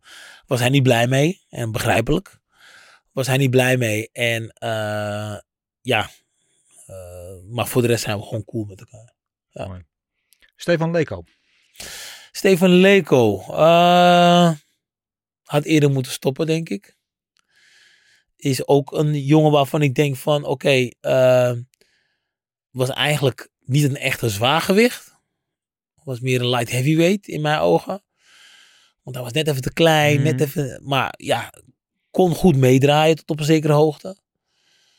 Maar ja, is daarna heel lang doorgegaan, had ik begrepen. En ja, hij loopt er niet heel gezond bij. Nee. Nou, dat heb ik ook wel eens gehoord. Dat Ja. het niet zo goed met hem gaat. Nee. En dat vind ik altijd kloot om te horen. En dat Ja. is dan wat de keerzijde van deze sport. Hè? Want ehm, ik had het laatst ook met, met iemand anders al. Wij kijken ernaar. Oh, jij deed actief mee. Maar weet je, wij kijken als entertainment. En jullie staan in de ring om ons te entertainen. Eh, en als er dan gasten zijn die voor ons entertainment later in het leven. Ja, toch de mindere, hoe zeg je dat? Het korte einde van de stokken toebedeeld krijgen. Vind ik dat toch altijd, ja, voel me altijd een beetje schuldig. Ja, nou ja, je hoeft niet schuldig te voelen, want we hebben zelf de keuze gemaakt. Ja. We hebben zelf de keuze gemaakt om daar te staan. Alleen, hoe gaat men ermee om? Ja. Dat vind ik soms een beetje, want je merkt heel gauw van, oh, hij eh, praat wel heel gek. Of, eh, want toen we misschien tien jaar terug, toen diegene vocht, hebben we ervan genoten. Mhm. Maar op het moment dat hij misschien niet meer lekker praat, of eh, ja, loopt er een beetje gek bij, of wat dan ook, ja, dan, dan worden er soms grappen over gemaakt. En dat vind ik soms wel eens jammer. Ja, eens. Ehm, ik, ik vind overigens wel, je zegt heel netjes en, en politiek over Stefan Leko. Maar jullie hadden wel echt een rivaliteit. En volgens mij kon die elkaars bloed ook echt wel drinken. Want ik heb jou weinig in je carrière eh trash talk horen doen. Maar uh, alweer had je af en toe wel rake dingen te zeggen. Nee, kijk, eh, Stefan die heeft, eh, ik heb een aantal keer tegen hem gevochten. Ja, De eerste keer dat ik tegen hem vocht, was ik nog ja, eh, net A-klasser. Werd ik eh, toen naar eh, Las Vegas gehaald. Toen verloor ik op punten van hem in het Bellagio Hotel. Toen hebben we daarna nog een keer tegen elkaar gevochten. En toen kreeg ik een knie tussen mijn benen. ja dat weet ik nog, ja. En, maar die knie tussen mijn benen, hij deed alsof het niet zo was. Hmm. Nou, het was in een toernooi. Toen ging ik nog naar de kleedkamer. Kwam ik terug uit de kleedkamer. Heb ik toch de wedstrijd afgemaakt. Want het was volgens mij in de eerste of tweede ronde was het gebeurd. De wedstrijd werd gestaakt. Ik mocht naar de kleedkamer. Ik kwam terug. Kan je, ja, kan je nagaan. Er werd niet eens gezegd van de wedstrijd afgelopen of wat dan ook. Nee, het werd gewoon uitgevochten. Hij werd gewoon het heeft Een half uitgevochten. uur geduurd of zo, volgens mij. Dit dit heeft volgens mij een half uur. of Zoiets, zoiets. ja, En toen ja. ben ik teruggekomen. Hebben die laatste rondes hebben we afgemaakt. Heb ik gewonnen de wedstrijd. Ja, en toen was er heel veel rivaliteit daardoor. Maar Ja. hij deed alsof ik nep was. Alsof ik nep was. Ja. Maar hij heeft me echt geraakt tussen mijn benen. Oké. Toen, werd er, toen dacht K1 van, nou, dat is een mooie rematch. Uitmelken, ja. Wij weer tegen elkaar. Dan worden we natuurlijk heel erg uitgespeeld, weet je, door de, door, de, door, de, door de media. En we staan daar gewoon, eh, ja, weet ik veel, ik denk een half jaar later staan we weer tegenover elkaar. Maar in een losse wedstrijd, een Final 16 wedstrijd. En ik, moet- en ik was gebrand. Ik was gebrand. En hij ook. En ja, veel rest ook heen en weer natuurlijk. Want ik, eh ja, ik spuugde hem graag in zijn bek. En hij bij mij ook. en eh, ja, en op een gegeven moment eh, ja, staan we daar in de ring. Ik weet nog dat Cor Hammers in zijn hoek stond. En de hele, nou ik wil niet zeggen de hele Golden Glory heette dat Mhm. toen. Stond daar ook in zijn hoek. Ja, en volgens mij heeft het één ronde geduurd. Ik maak een gesprongen knie. Ja, dat vond ik heerlijk. Ja. Want ik begon heel furieus. Toen zakte ik heel even in. Ja. Toen liet ik hem een beetje komen. Liet ik hem een beetje komen. En toen ging ik weer tempo draaien. Ja, en ik had al volgens mij één gesprongen knie eerder gemaakt. En het leek alsof hij die niet verwachtte. En ik maak een rechter gesprongen knie. Pok, hij gaat neer. Ja. En het grappige van was, toen keek ik eh, op een gegeven moment naar die neer was gegaan. En hij was uitgeteld. Toen keek ik naar, de, de- naar zijn hoek. Toen stond alleen Cor daar nog. En de rest was toen weg. dat vond ik wel grappig. eh. Dubbele, dubbele morele overwinning. Ja, ja, ja, ja. Ik, ik, ik was heel blij. En, en, en ja, volgens mij wilde hij me niet eens een handje schudden of wat dan ook. Nee. Ik was er toen klaar mee. En eh, ik had mijn revenge gehaald. Ja. ja terwijl ik Mooi. gewoon eigenlijk, want de wedstrijd waar hij me, me een knie gaf tussen mijn benen. Ehm, ja, toen was er eigenlijk de rivaliteit echt gestart. Ja. Maar ik had die wedstrijd wel gewonnen. Dus eigenlijk heb ik al gewonnen. Maar het ging door. Het ging door. Omdat het ging in de media door. En de media pikte het op. En, en het werd heel groot gemaakt. En eh, ja, dan ga je natuurlijk ook wel een beetje teruggooien. Maar eh, ja, uiteindelijk eh, heb ik voor mijn gevoel mijn revenge wel kunnen halen. Volgende. Badder. Je had het net al even over. Mhm. maar- Ja, Badr heb ik heel veel, misschien, nog, nee, misschien nog erger, nou, misschien eh, nog veel erger dan met eh, Stefan Leko gaat hoor. Eh, we hebben elkaar, ja, nou, kijk, ik haat niet zo gauw. En toen heb ik hem ook niet gehaat hoor. Maar ik kwam er wel dichtbij. Ja, waar zat het hem in dan? Wat is natuurlijk vrij polariserend. Die is wel aanwezig in, in bepaalde... Nou ja, maar- ik zal je vertellen. In de tijd dat ik, dat ik tegen hem vocht. Kijk, als je, als je een rivaliteit hebt in de ring, moet het in de ring blijven. Mhm. En hij trok het ook uit de ring. Ja, als ik hem straat tegenkom, dan gaan we knokken. Als ik hem sla ik zijn Mm. kop eraf. Als ik hem in de stad tegenkom. bla, bla. En wat het misschien nog moeilijker maakte, waren zijn fans. Ja. Ja, die droegen hem op handen. Ja. Die gaven mij de schuld dat, dat ik niet meer opstond. En nog steeds hè, geven mensen mij daar nog steeds een soort van de schuld, de schuld van. Of een soort van. Ja. Omdat zij, zij vinden dat ik daar had op moeten staan en door had moeten vechten. Ik zeg altijd van als je met iemand een, een, een spelletje speelt, een kaartspel speelt. En er zijn vier A's en iemand trekt ineens een vijfde A's. Tien van de tien mensen zeggen: hey, ik speel niet meer, je speelt vals. En dat was met dit ook. Ja. En er werd gezegd dat ik had door moet, moet- op moeten staan. Maar de scheidsrechter had die wedstrijd af moeten kappen. Er was er nooit discussie geweest. Dat is waar, dat was heel raar hè. Want die scheidsrechter die liet het een beetje in het midden, waardoor het alsof Om- van... omdat het een finale wedstrijd Ja. Het was een finale ja, wedstrijd. En gebeuren. weet Ja. je, eh, ze moesten doorgaan. En ik had een oog. Ik zou je vertellen, voordat ik nog kampioen werd, voordat ik in, 2000, in 2002 had ik mijn eerste operatie te pakken. Mm. En ik had net, net, netvlies loslaten. Die werd er al gezegd, hey, Remy, je moet niet gaan, gaan kickboksen. Het is klaar, zei mijn dokter. Ja, ik, zei, ik zei eigenwijs als me kan. Ga toch door natuurlijk. Want ik, ik heb een plan, ik heb een droom. 2003, 2003 vecht ik gewoon weer. Nou, ik krijg een paar tikken tegen mijn oog. Mijn lens verschuift. Dus ik zie blurry. Weer een operatie. Nou, en dat gaat zo door. 2008, weer een operatie gehad. Nou, dan sta ik toch in met, met, eh, met mijn oog waar ik gewoon blind kan worden. Dan sta ik gewoon weer tegenover, eh tegenover Badr. Dat wordt niet meegenomen in de gedachten van Nee. iemand. Als ze mij daar op de grond zien liggen, op een gegeven moment in de hoek, met de dokter erbij die dit doet. En ik zeg van ja, ik zie, ik zie wazig. Ja. En dan zeggen ze van ja, je had op moeten staan en door moeten gaan. Ja, ik kan daar wel voor kiezen Ja. door op te staan en door te gaan, wankel, wankel. Ik sta hier te stoten en hij staat daar aan de rechterkant. Dan had hij twee tikken hoeven uit te delen, lag op de grond. Dan heb je geen eerlijk spel meer. Nee. En al, op het moment dat je geen eerlijk spel hebt, dan is het niet meer puur. Dan ben je niet met kickboksen bezig, dan ben je met zo'n straatgevecht bezig. Ja. Als je de, eh, weet ik veel, je gooit een steen op iemand zijn hoofd en dan ligt hij half laveloos.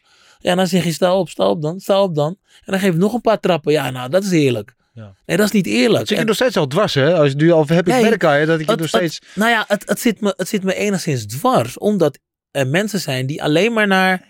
Ze kijken naar die, ja, wat is het, een 10 minuten beelden, kijken ze. En ze geven hun oordeel. Terwijl ze niet weten wat er precies gebeurde. En wat eigenlijk had moeten gebeuren. Waardoor deze hele discussie kwam. Want soms had ik wel eens dat, dat ja, je staat gewoon ergens bij een stoplicht. Ja. En dan komt zo'n jongetje naast je staan. En die zegt van ja, maar door jou heeft eh, Badr verloren hè. En die zegt dan iets lelijks. Ja. Ja. Weet je wel, een jongetje van 12 jaar, die zegt dan iets lelijks. Eigenlijk wil je hem gewoon aan zijn haren trekken en hem eh, nee, en bij, bij zijn benen pakken. En dat is in die tekenfilm dat je hem zo eh, van de linkerkant naar de rechterkant gooit. Dat wil je eigenlijk doen. Maar je moet je koel bewaren. Mm. En er zijn andere mensen, volwassen mensen, die zeggen ook van ja, ja je bent een lul, je had door, door, door moeten gaan. Terwijl ik eigenlijk denk van jongens, als ik met jou een spelletje speel of met jou, eh weet ik veel, eh, vals zou spelen, dan zou je het ook niet pikken. Nee. En waarom moet ik het dan wel pikken? Weet je, dus kijk, ik, we hebben het allebei losgelaten. Want ja, eh, de laatste keer dat we elkaar gezien hebben was volgens mij een jaar terug. Dus je, toen gaven we elkaar een knuffel bij een, eh, bij een persconferentie. En dat was het, ja, Ja. voor mij is het al lang klaar. Het is zoveel jaar al geleden gebeurd. 15 jaar 2008. geleden. Ja. 15 jaar geleden. Ja. En, en nog steeds word je erop aangesproken door mensen. Nog steeds word ik erop aangesproken. Ja. Ja, nog steeds. Ja. Ja. Ja. dus had- het, had, oh, Ja. dat had toen best wel veel impact ook. Ja. Dat had heel veel impact eh, op de vechtsportwereld. Ja. En heel veel mensen waren ermee bezig. En eh, ja, ik kreeg het op mijn brood. Terwijl ik dacht van, huh? Ja. Eh, heel veel mensen kijken voorbij ook aan dat punt. Want als iemand vals speelt. Laat zeggen voetballen. Iedereen kent voetballen. Je moet je voorstellen dat iemand de anderen een doodschop geeft. En dan gaan we zeggen tegen degene die neerlegt. Hey, sta eens op en dan gaan we pas door. Weet je? Sta eens op joh. Sta eens op. Nee, we moeten toch eerst kijken van. We moeten hem een rode kaart geven. Die de, de trap geven. Hem moeten we een rode kaart geven. En dan gaan we kijken of de ander oké is. Want Ja. het gaat om de gezondheid van de ander. En in deze sport gaat het ook om de gezondheid van de ander. En ik denk bij mezelf van ja, het is zonde als men op die manier denkt. Ja. Nou, het was ook heel ontluisterend eigenlijk. En dat is een beeld wat mij vooral van die wedstrijd is nagebleven. Ik dus wint door disqualificatie. En je staat daar met die kroon op je hoofd en die grote check. eh, en met tranen in je ogen, omdat je niet zo wilde winnen. En wat Nee. eigenlijk een heel vreugdevol moment was. Daardoor eigenlijk gewoon een kutmoment werd. Ja. Eh, en wat niemand wil zo winnen, denk ik. En, en, en, en aan jou was nou alles te merken dat je dat ook niet wilde. Maar ehm, die, die, die aftermath, hè, dus ik je zegt dat je daar jarenlang daar nog last van hebt. Hoe, hoe ver is dat gegaan? Ik bedoel, tegenwoordig in de tijd van social media is het wel heel snel dat als een spits een kant mist, wordt hij online met de dood bedreigd en zo. Maar wat, wat zijn de dingen die jij hebt meegemaakt daarmee? Eh, in die tijd bedoel je? Ja? Ja, nee, eh, mensen, net wat ik vertel. eh, of het nou een jongetje is die naast je staat. Iemand die vanuit de auto lelijke dingen schreeuwt. volwassenen die naar je toe komen van... Hé, hey, kom op, maar je had zo op moeten staan. Weet je, dan moet je dat hele verhaal gaan vertellen. Mm. Waarom? En oh, oh, wist niet van je oog. Oh, dan heb je dan een kunstlens? Oh, dit? Kijk, net als... Weet je, er zijn sommige periodes, bepaalde comebacks die ik gemaakt heb. Dat ik moest sparren met zo'n... zo'n ja, dat is een hele gekke kap is dat. Ja, Met zo'n tralies ervoor. ja, ja. ja ik Zodat ik tijdens het sparren Ja. zo min mogelijk kans had dat, dat er een stoot op mijn oog kwam. En dat het dan, dan weer onder de operatie of Ja. onder, onder het mes moest. Dus, en dan nam ik het risico om wel de wedstrijd te vechten zonder kap. Maar tijdens het sparren had ik altijd zo'n rare kap op. Weet je? Dus heel veel, heel veel mensen weten... Heel veel mensen weten niet wat er allemaal eh er vooraf gebeurt, tijdens gebeurt. Of wat, er, wat de geschiedenis is. Ze zien eigenlijk alleen maar die drie keer drie of vijf keer drie in de ring. En ze zien niet van alles en weten niet van alles. Waardoor ze eigenlijk achteraf denken...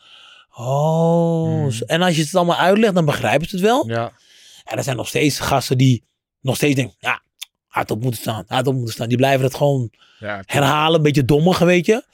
Maar dan denk ik bij mezelf van... Ja, nou ja, dat is jouw mening en dat respecteer ik. Want zo denk ik er nu over, weet je. Iedereen die nu mij aanspreekt erover... Ja, dat is jouw mening. En mijn mening is anders. En eh, kijk, eh, nu we zoveel jaar verder zijn, denk ik van... Nou, ik kan alleen zeggen, dankjewel, Badder. Ja. Dankjewel. Weet je, als je me het zo gratis geeft. Ja. ja, ik kan me nog dat het op zover ging dat jij volgens mij als, eh, als analist of, of als in ieder geval eh, mm, lid van het broadcastteam in Antwerpen was, waar Badder toen een keer moest vechten. Dat je daar ook ontzet moest worden, omdat eh, wat opdringerige Badder-fans eh, jouw aanwezigheid niet helemaal op prijs stelden. Nou ja, we waren daar. En Sinistera kan dat ja, ja. vocht Ja. tegen Sinistera, vocht hij daar. Ja, en toen ging de... En mensen wisten dat ik daar ehm, eh, als analist bij, bij was. Ja, en het, het, het hele feestje was daar een badderfeestje natuurlijk. En ja, mensen gingen van alles... En dat ging tegelijk. Hè? Het is alsof ze bij, bij het voetballen... Hij is een hondenlul. Hij is een- Ja, ja, weet ja. en dat, dat ging allemaal tegen mij. En dan, eh, ik denk dat er misschien zo'n 10.000, misschien 12.000 mensen in die zaal zaten.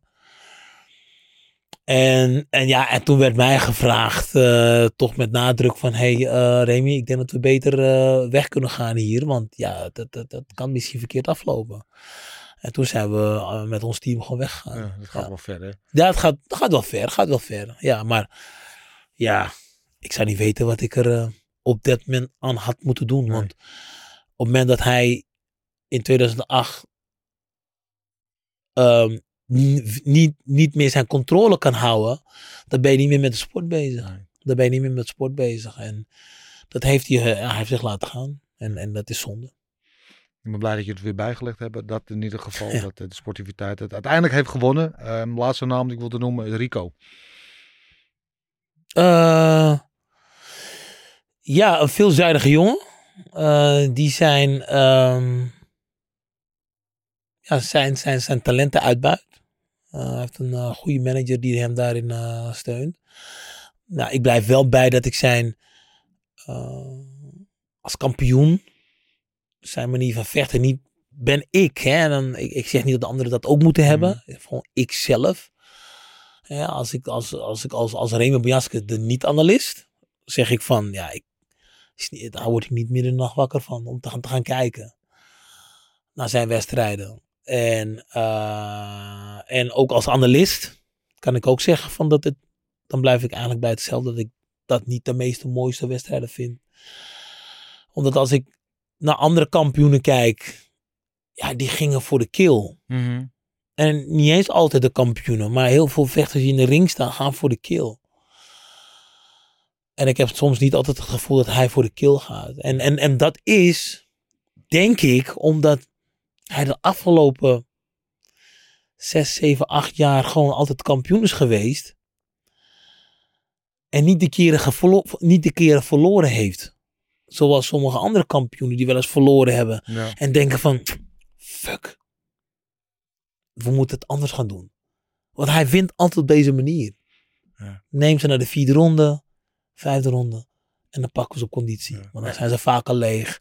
En dan wordt het vaak een, over, een, een puntenoverwinning of wat dan ook. En kijk, ik moet wel eerlijk zeggen, bij de laatste twee wedstrijden die hij gevochten heeft, ging het, ja, was het wel leuk om te kijken, weet je. Want dan werd het een soort knockout en, en, er gebeurde heel veel. Mhm. Dingen, eh, scheur op scheenbeen, scheur op, op- onder het oog, Ja. er gebeurde wat. Ja. Dat maakt het nog leuk. Maar als je gewoon sec technisch kijkt naar het kickboksen zelf, hoe, hoe je een knockout naar voren haalt. Want kijk, Ja. iemand, ja, gewoon een textbook ding.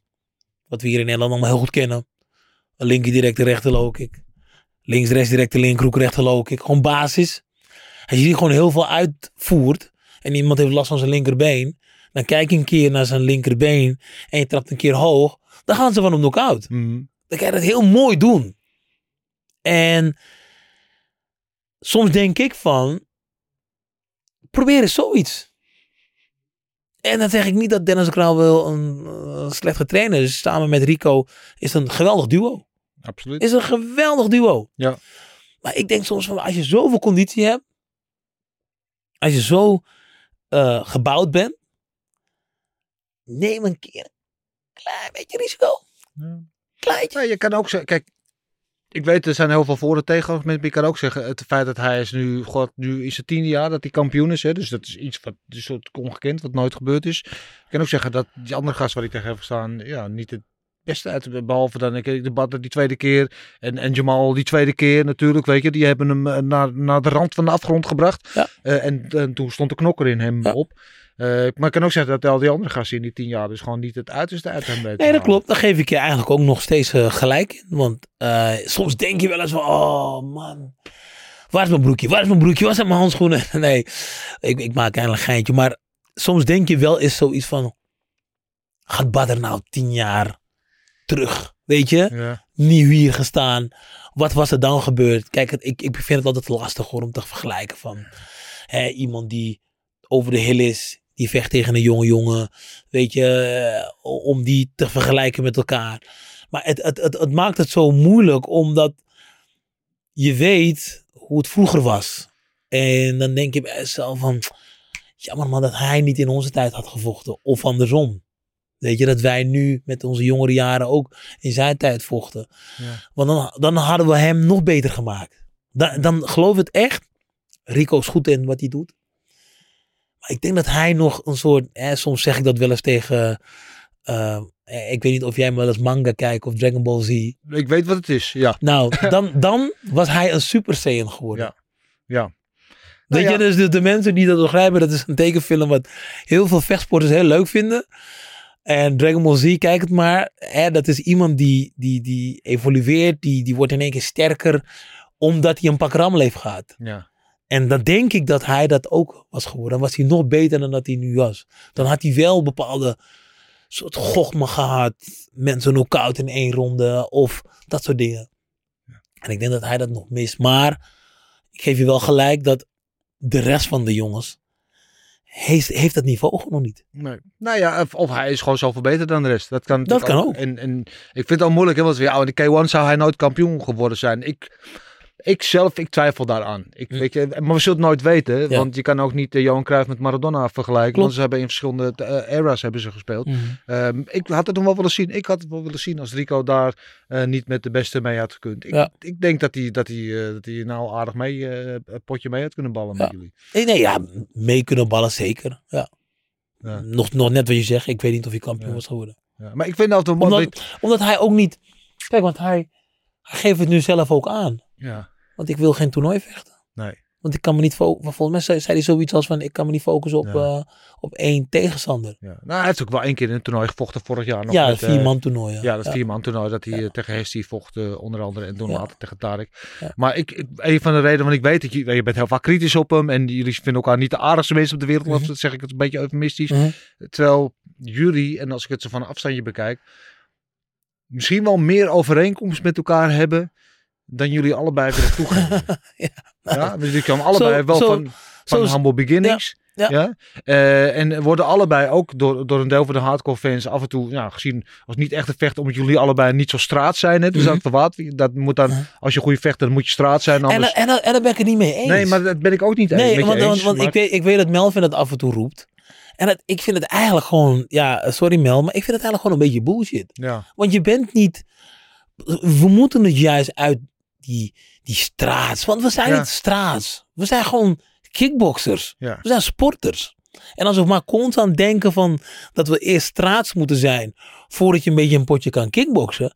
Dat is een grootste bullshit. Je moet gewoon een atleet zijn. ja. Je moet gewoon, we zijn allemaal atleten. We zijn, Je hebt straatse atleten. Je hebt, eh, hè, weet ik veel, eh, een accountant als atleet. Je hebt, weet je, je, je bent gewoon een normale jongen als atleet. Je moet gewoon een atletisch vermogen hebben, ten eerste. En tussen je oren de wil hebben om harder te gaan trainen als de rest. Dat moet je hebben. En als, en, als, en, als, en, als, en als je dat niet bezit, moet je wat anders gaan doen. Maar je hoeft niet per se een, een soort bad guy, bad boy te zijn om de ring te kunnen presteren. Want dat wil zeggen dat, nou, ik heb tegen Melvin gevochten, hij was straats. ja. Eh, ik heb tegen Badr gevochten, hij was straats. Ben ik dan Ja. een, kan ik dan niet van hun winnen? Terwijl ik wel van ze gewonnen heb. Van allebei. Ja. Dus je, eh, dat, dat bewijst maar weer dat je niet per se straats hoeft te zijn. Om, eh, om zo goed te zijn in de ring. Je moet gewoon, de wil moet gewoon sterk zijn. De wil om te winnen moet gewoon sterk zijn. En, en, en dat is en om, om hard te trainen en er harder voor te werken. En hij roept ook tijdens onze analyses bij de Videoland, roept, roept hij altijd van ja, je moet eh, die straat zijn, want jij bent een straat. Nee, maar hij zegt wel eens van eh, je, ehm, eh, ik, de- ik ben een atleet en hij is een vechter.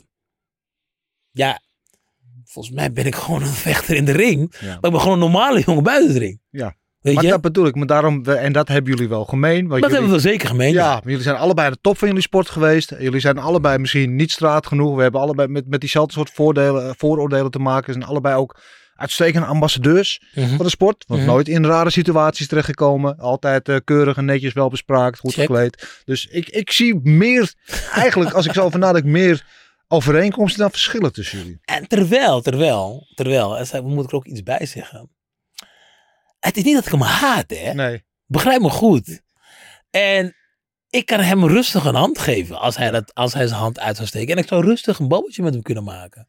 Want heel veel mensen denken dat, ik, dat hij een soort van grootste rival is en we haten elkaar. Ik heb dat niet met hem. En ik heb dat voor mijn gevoel niet met niemand. Er zijn heel wat mensen die zeggen, ja Remy, je vindt jij een pannenkoek? Ja, dan vind jij mij een pannenkoek. Dat zit jij ergens mee. Zo denk ik altijd. Dat zit jij ergens mee, want jij kan mij niet luchten.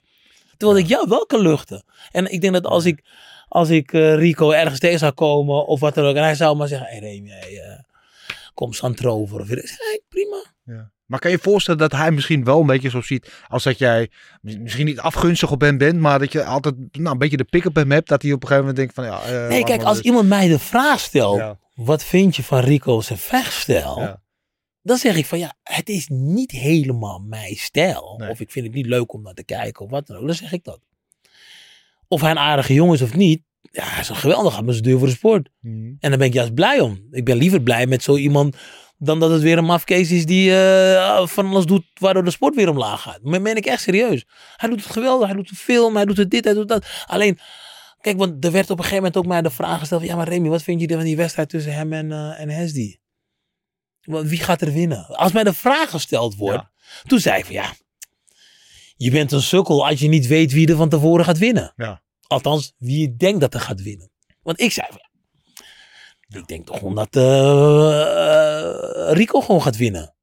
En dat heeft hij mij kwalijk genomen. Terwijl het, als ik aan iedereen vraag buiten de camera's, zeggen ze allemaal van ja, Remy, je hebt gelijk hoor. Eh, je- ik zou ook hetzelfde zeggen. Maar wanneer de camera op hun kop staat, zeggen ze nou, ik weet het niet, want ze hebben allebei kansen. blablabla. Hmm. Bullshit. We weten allemaal dat Rico gewoon een betere vechter is. En ze hadden een half jaar daarvoor tegen elkaar gevochten. En toen won Rico ook gewoon. Waarom zou hij nu verliezen? Ik heb het idee dat dit wel gladstrijkt is tussen jullie. Ik eh, denk, ik, ik 100%. krijg hem met echte boter. Ik krijg jullie wel weer aan tafel. Luister, dat ik, man, ik, ik, ik, heb, ik, heb, ik heb nul tegen Rico als sporter. Ik heb nul tegen Rico als mens. Hij heeft mij nooit wat aangedaan. We hebben een keer een woordenwisseling gehad. Ja, en als, als dat het is. Ik heb ergere dingen gehad met een Badder of een Melvin. Mhm. Of welke andere, of Stefan Leek of welke andere ja. vechter dan ook. Maar ik haat mensen niet. Ik, en en die, met al die mensen heb ik het allemaal glad gestreken. Ja. En hoezo moet ik dan, terwijl ik eigenlijk, als je kijkt naar wat ik nou wel of niet eh, heb met Rico, hebben we eigenlijk gewoon, ja, er is een keer uitgesproken naar elkaar toe van, hey, ik wil wel een keer tegen Rico en Rico heeft een keer tegen, ik wil al een keer tegen Remy willen vechten. En dit zit, als dat het enige is, ja, Gaat goed komen. Ik, zat er wel, je haakt er, ik haak er even op in dat je over, over Videoland hebt. Daar doe je de analyses samen met Melvin. En ik moet eerlijk zeggen, ik vind het heel leuk om jullie daar samen te zien. Want jullie hebben inderdaad ook jullie rivaliteit gehad. Vier keer tegen elkaar gevochten. En rond die vierde keer had ik idee dat het wel redelijk alweer wel weer oké was. Eh, maar als jullie met z'n tweeën daar zitten, ik vind jullie een hartstikke leuk duo. Ik vind jullie zijn hartstikke complementair aan elkaar. Dus dat gezegd hebbende, eh, ben je ook iemand die zijn mening niet onder stoel of bank. Je bent altijd eerlijk, je bent altijd gewoon eh, rap van de tong. Ehm, en dat kan me voorstellen dat het soms wel lastig is. Je bij Fieterland zit, ja, je wilt niet in je eigen bed schijten, zo gezegd. Weet je. Dat Mhm. af en toe, ja, dat je ook niet dan hun product helemaal wil afkraken, als het Mhm. ware. nee, Dus dat het- hoe, hoe be- bewaar je die balans? Ja, die, die- ik, ik vind die balans eh, eh, goed te bewaren. En waarom? Omdat ik, eh, zij geeft wel de vrijheid om gewoon, om gewoon eerlijk te zijn. We zijn ik, ik ben niet gescript daar of wat dan ook. Ze zeggen ook gewoon van Remy, je moet gewoon zeggen hoe wat jij ervan vindt. En ik vind het ook prima als Melvin ook niet mijn, eh, mijn gedachten heeft. Hij, heeft- altijd, hij heeft vaak genoeg een andere mening over bepaalde zaken. En daar laten ze ons in gewoon vrij. En dat vind ik, dat, ja, dat vind ik geweldig werken. Omdat als Melvin zegt van ja, nee, ik vind dat, ik zeg maar wat, Serkan had wel die logisch moeten geven. Dan zeg ik ja, nee. Melvin, dat zie je toch dat hij die low kick niet had moeten geven, want hij moet stoten. Of wat dan ook. Ja, dan kan hij zijn mening hebben. Ik, en soms gaan we echt fel tegen elkaar in. Ja. Dat is prima. Dat vinden mensen ook prima. Maar kijk, als ik, als ik, als ik, als ik een- mijn mening geef, dan sta ik daarachter. Dan zal ik dat als ik bij Videoland zit, moet ik dat kunnen zeggen. Maar als ik daar weggehaald word en ik word bij, ik weet ik veel, een ander programma neergezet, moet ik dat ook kunnen vertellen. Want ik ga niet een, een masker ophouden. Ik ga niet liegen of ik ga niet een, een soort nepremie zijn. Nee, dit is gewoon, weet je, wat je ziet is wat je get. Vind je het leuk om te doen? Ik vind het geweldig leuk. Ja. Meen ik echt serieus. Ik vind het geweldig leuk. Ik, eh, eh, ik, sta, ik sta een beetje te kwispelen met mijn staart als we weer moeten. Ja, ik vind het echt leuk. En, eh, ja, ik, en ik kijk ook heel veel vechtsport, heb ik gemerkt de afgelopen... Ja, wat is het nou? Vijf, zes jaar ben ik nog meer vechtsport gaan kijken dan normaal. Hè, want vroeger keek ik wel eens boksen. Maar Ik kijk bijna elke bokswedstrijd. Ik keek vroeger wel eens ehm nou, kickboksen natuurlijk. Ik kijk ook One FC of nou PFL is. Ik kijk naar UFC. Ik, ik, ik, Bellator, ik, ik, ik, ja, eh, het moet wel altijd een beetje op niveau zijn natuurlijk. Mhm. Eh, ik heb er niet altijd zin om... eh, en nou, ik moet al eerlijk zeggen, ik kijk ook de prelims bij UFC. Eh, Ja. Of het nou bij Glory is of eh, bij andere organisaties. Ik kijk wel de prelims. Ja. Maar ik ben niet zo om nu naar een een of andere kickbox jeugd, nieuwelingen, C-partij, Nee, eventje van... eh, nee, daar, daar ga ik niet zo gauw naartoe. Maar als mijn eigen jongens moeten vechten wel, maar het moet wel een klein beetje op niveau zijn. Ja. Ja. Nou, la- laatste natuurlijk, twee weken geleden was er een, een glory waar. En met bijzonder, ja, met je, met je Surinaamse achtergrond natuurlijk, waar eh, op één avond twee Surinaamse kampioenen werden gekroond. En eh, ik had eh, een paar weken geleden had ik Donovan Wissi hier in de studio, of weet je, of weet je, nou, zijn Surinaamse roots. En weet je, Uh-huh. hoe hij daar tegenaan, weet je, vecht zoals jij en Nesto, die ik een beetje de weg geplaveid hebben voor een, nieuwe generatie Surinaamse topvechters. Donnie Abena, die natuurlijk de titel won. Doet dat jou nou extra veel? Vind je dat dan extra, speciaal? Ik, eh, ik ben daar best wel trots op. Omdat ik, ik kijk altijd naar het kleine land. Nee, laat me het anders zeggen. Ik kijk altijd naar het grote land van ons waar heel Ja, weinig mensen wonen. Ja, Hè, Zo'n 600.000 mensen. Waar toch heel veel talent vandaan komt. ja. Of het nou op eh, voetballen is, of het nou kickboksen is, vechtsport. daar komt best wel veel talent vandaan. En dat vind ik altijd wel mooi. En, en, en juist omdat we niet alle faciliteiten hebben daar. We hebben niet altijd de, de know-how, de kennis en weet ik wat allemaal. Maar gelukkig heb je aan het lichaam heb je heel veel. Mhm. Want het is een sport waar je niet een, een paard nodig hebt. Ja. Of hele dure hockeysticks. Of eh, hele dure andere materialen. Als je je lichaam hebt, dan kom je heel ver. Ja. Dan kan je heel ver komen. Want Als je, als je een goed lichaam hebt en je hebt een, een eh, goed atletisch vermogen. Heeft een trainer die het in jou ziet. Die heeft vast wel nog een paar oude handschoenen liggen. Ja. Er zijn kennelijk heel veel Surinamers met een heel goed lichaam. Want ze doen het op alle fronten inderdaad. Met voetbal, met kickboksen doen ze Ja. het heel goed. Ja. Ja. Ja, ja, dat, ja, dat vind ik toch, vind ik toch mooi. En ik, en ik vind het heel mooi dat eh, ja, nu toch twee, eh, twee Surinaamse jongens in verschillende gewichtsklassen toch kampioen zijn. Ja. Ja, wat ik vooral van Wisse bijzonder vind, en daar heb ik met hem ook over gehad. Hij heeft natuurlijk heel lang eh trainen die bij Vos Gym, hè, ook met Hypo. En eh deed hij zijn trainingskamp eigenlijk altijd hier. En sinds een paar gevechten is hij dan mee gestopt. En doet hij gewoon eigenlijk zijn hele voorbereiding gewoon in Suriname. Ja, Weet je? En, en wordt ook gezegd, je moet dan, eh, als je wil kickboksen, moet je naar Nederland. Dus je, en maar moet je naar Amerika. En hij bewijst eigenlijk het tegendeel. Dat hij in Amerika, of in Suriname met zijn eigen gym, eh, gewoon met de mensen omheen, daar toch tot topprestaties kan Ja, komen. ja, nee, dat is zeker zo. Alleen, eh, ik, ik zou het mo- nog mooier vinden, want eh, als er nog meer, eh, nog meer kennis die kant op gaat en nog meer faciliteiten die kant op gaan. Want ik denk dat wij nog veel verder kunnen komen. Ja. Ik, denk dat, ik denk dat we echt nog veel verder kunnen komen als waar we nu zijn. Ja. Omdat al die jongens die nu de top bereiken, ja, dat is het topje van de ijsberg. Want van wat ik heb begrepen van heel veel trainers, ja, er lopen zoveel goede jongens daar rond. En ik denk dat er heel veel goede jongens rondlopen in Suriname, in Brazilië, Ja. in, in, in eh, Rusland. Nu ligt Rusland een beetje gevoelig, maar er ligt zoveel talent over, overal ter wereld. Maar ja, die moeten wel hier het- een, deal krijgen, een setje krijgen of een podium krijgen om, om zich te kunnen laten zien. En dat schort er nog een beetje aan, denk ik. Zie je daar een rol voor jezelf weg, eh, weggelegd als een ambassadeur of om eh, op een of andere manier kennis over te brengen, met name dan de Suriname? Ik zou dat heel graag. Ik heb, ik heb alleen nog niet gedacht aan hoe, maar een, een, een weg voor mij als, als, als ambassadeur voor alle andere Surinaamse jongens graag. Ja. Ja. ja misschien een Bonjassi Academy in eh, Suriname. Dat zou geweldig zijn. Dat zou Ja. geweldig zijn. Ja, ja. Nee, eh, je zegt daar iets heel goed. zou geweldig zijn. Het zou heel leuk zijn als ik over twee jaar hier kom en zeg, ja, we hebben erin gehoopt, want ik heb je advies opgevolgd. Heb je het als eerste hier gehoord, eh, Ja. jongens? eh, vergeet het niet. Ehm, ja, je hebt natuurlijk druk zat. je hebt twee Bonjassi Academies. je doet je analysewerk bij Videoland onder andere. Je eigen kinderboek, wat heel goed gaat, volgens mij. ja, heel goed. Ehm, je zei net al van af en toe als ik dan wedstrijden zit te kijken, denk ik, waar is mijn broekje? Ja, je, je was aanvankelijk was je al vrij snel om, om te stoppen. Dat met je oogproblemen. Toen ben je later nog een keer teruggekomen. Eh, blijkt altijd wel veel vechters, vooral met topvechters, altijd moeilijk hè, om definitief afscheid te nemen van die ring. Heel veel gasten komen meerdere malen terug en, en gaan te lang door. Hoe vaak heeft het bij jou nog gekriebeld, ook na die laatste keer dat je bent gestopt? heel vaak. Het blijft kriebelen. Zoiets blijft kriebelen. Ja, Maar ik, ik ben wel sterk genoeg om te zeggen van, ik ben er echt wel mee gestopt na Melvin. eh, die laatste keer ben ik echt wel gestopt. Omdat, en dat, is, dat, dat maakt het wat makkelijker als je heel veel leuke andere dingen daarnaast hebt. Ja. Geloof me, dat maakt het een stuk makkelijker.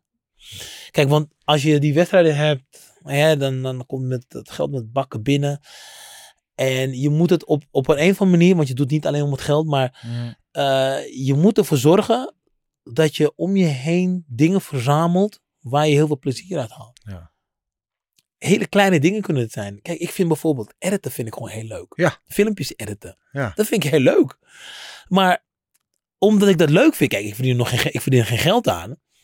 Alleen, heb je dat soort dingen om je heen en sommige dingen wat wel geld oplevert, ja, dan kan je het rustig uitzitten tot je 80 bent. Ja. Weet je, die sportschool die draaien wel. Ik heb daar personeel rondlopen. Die draaien heel leuk. Hè, kinderboek geschreven. Nou, draait heel leuk. Eh, en, en analyses. Ik hoef alleen te babbelen daar. ja. Gewoon mijn know-how neer te zetten. Gaat geweldig. Speeches doen bij grote bedrijven. Vind ik ontzettend leuk. Dus je al dat soort dingen. Dan maakt het de weg terug naar zo'n ring.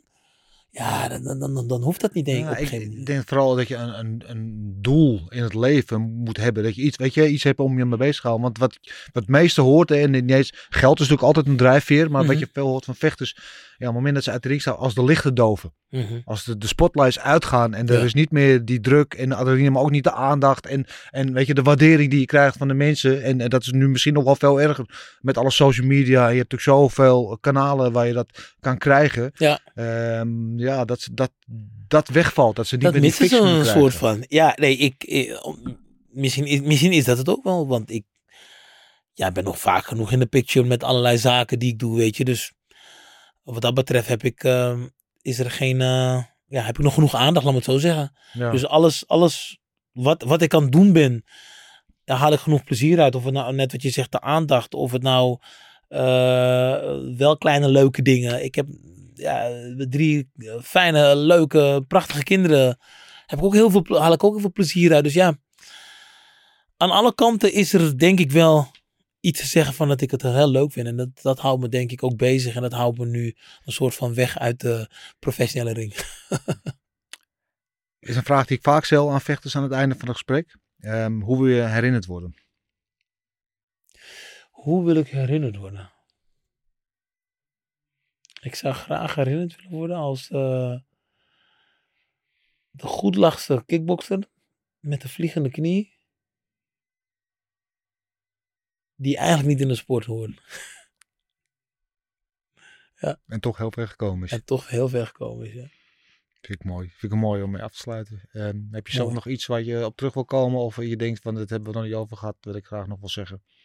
Mm, nee, ik denk dat we zo'n beetje wel alles hebben gehad. En eh ja, het is lange tijd dat ik emotioneel ben geworden tijdens het gesprek. Ja, ik vond het mooi. En ik hoop dat mensen ook een, een andere kant van jou zien die ze Ja. normaal niet zo snel zien. Ja. Eh, ik vond het een heel mooi gesprek. ja, ik ook. Dankjewel. Jou ook bedankt. Ja, ik eh, mag je van onze sponsor mag ik je nog een, eh, een flesje Special Gold CBD-olie Thank you. aanbieden. Vooral voor, ook voor topsporters na de training. Zorg voor een goed herstel. Dus nou, ik hoop dat je er plezier van hebt. Dankjewel. Rebi, dankjewel. Jij ook bedankt. Ehm, jullie allemaal weer bedankt voor het kijken of voor het luisteren. Je weet eh, waar we te vinden zijn. Spotify, Apple Podcasts, YouTube. We zijn er. Vergeet niet te liken, te delen, te abonneren. Dan heb ik nog maar één ding te zeggen. Dat is... Oes! Ja, goed.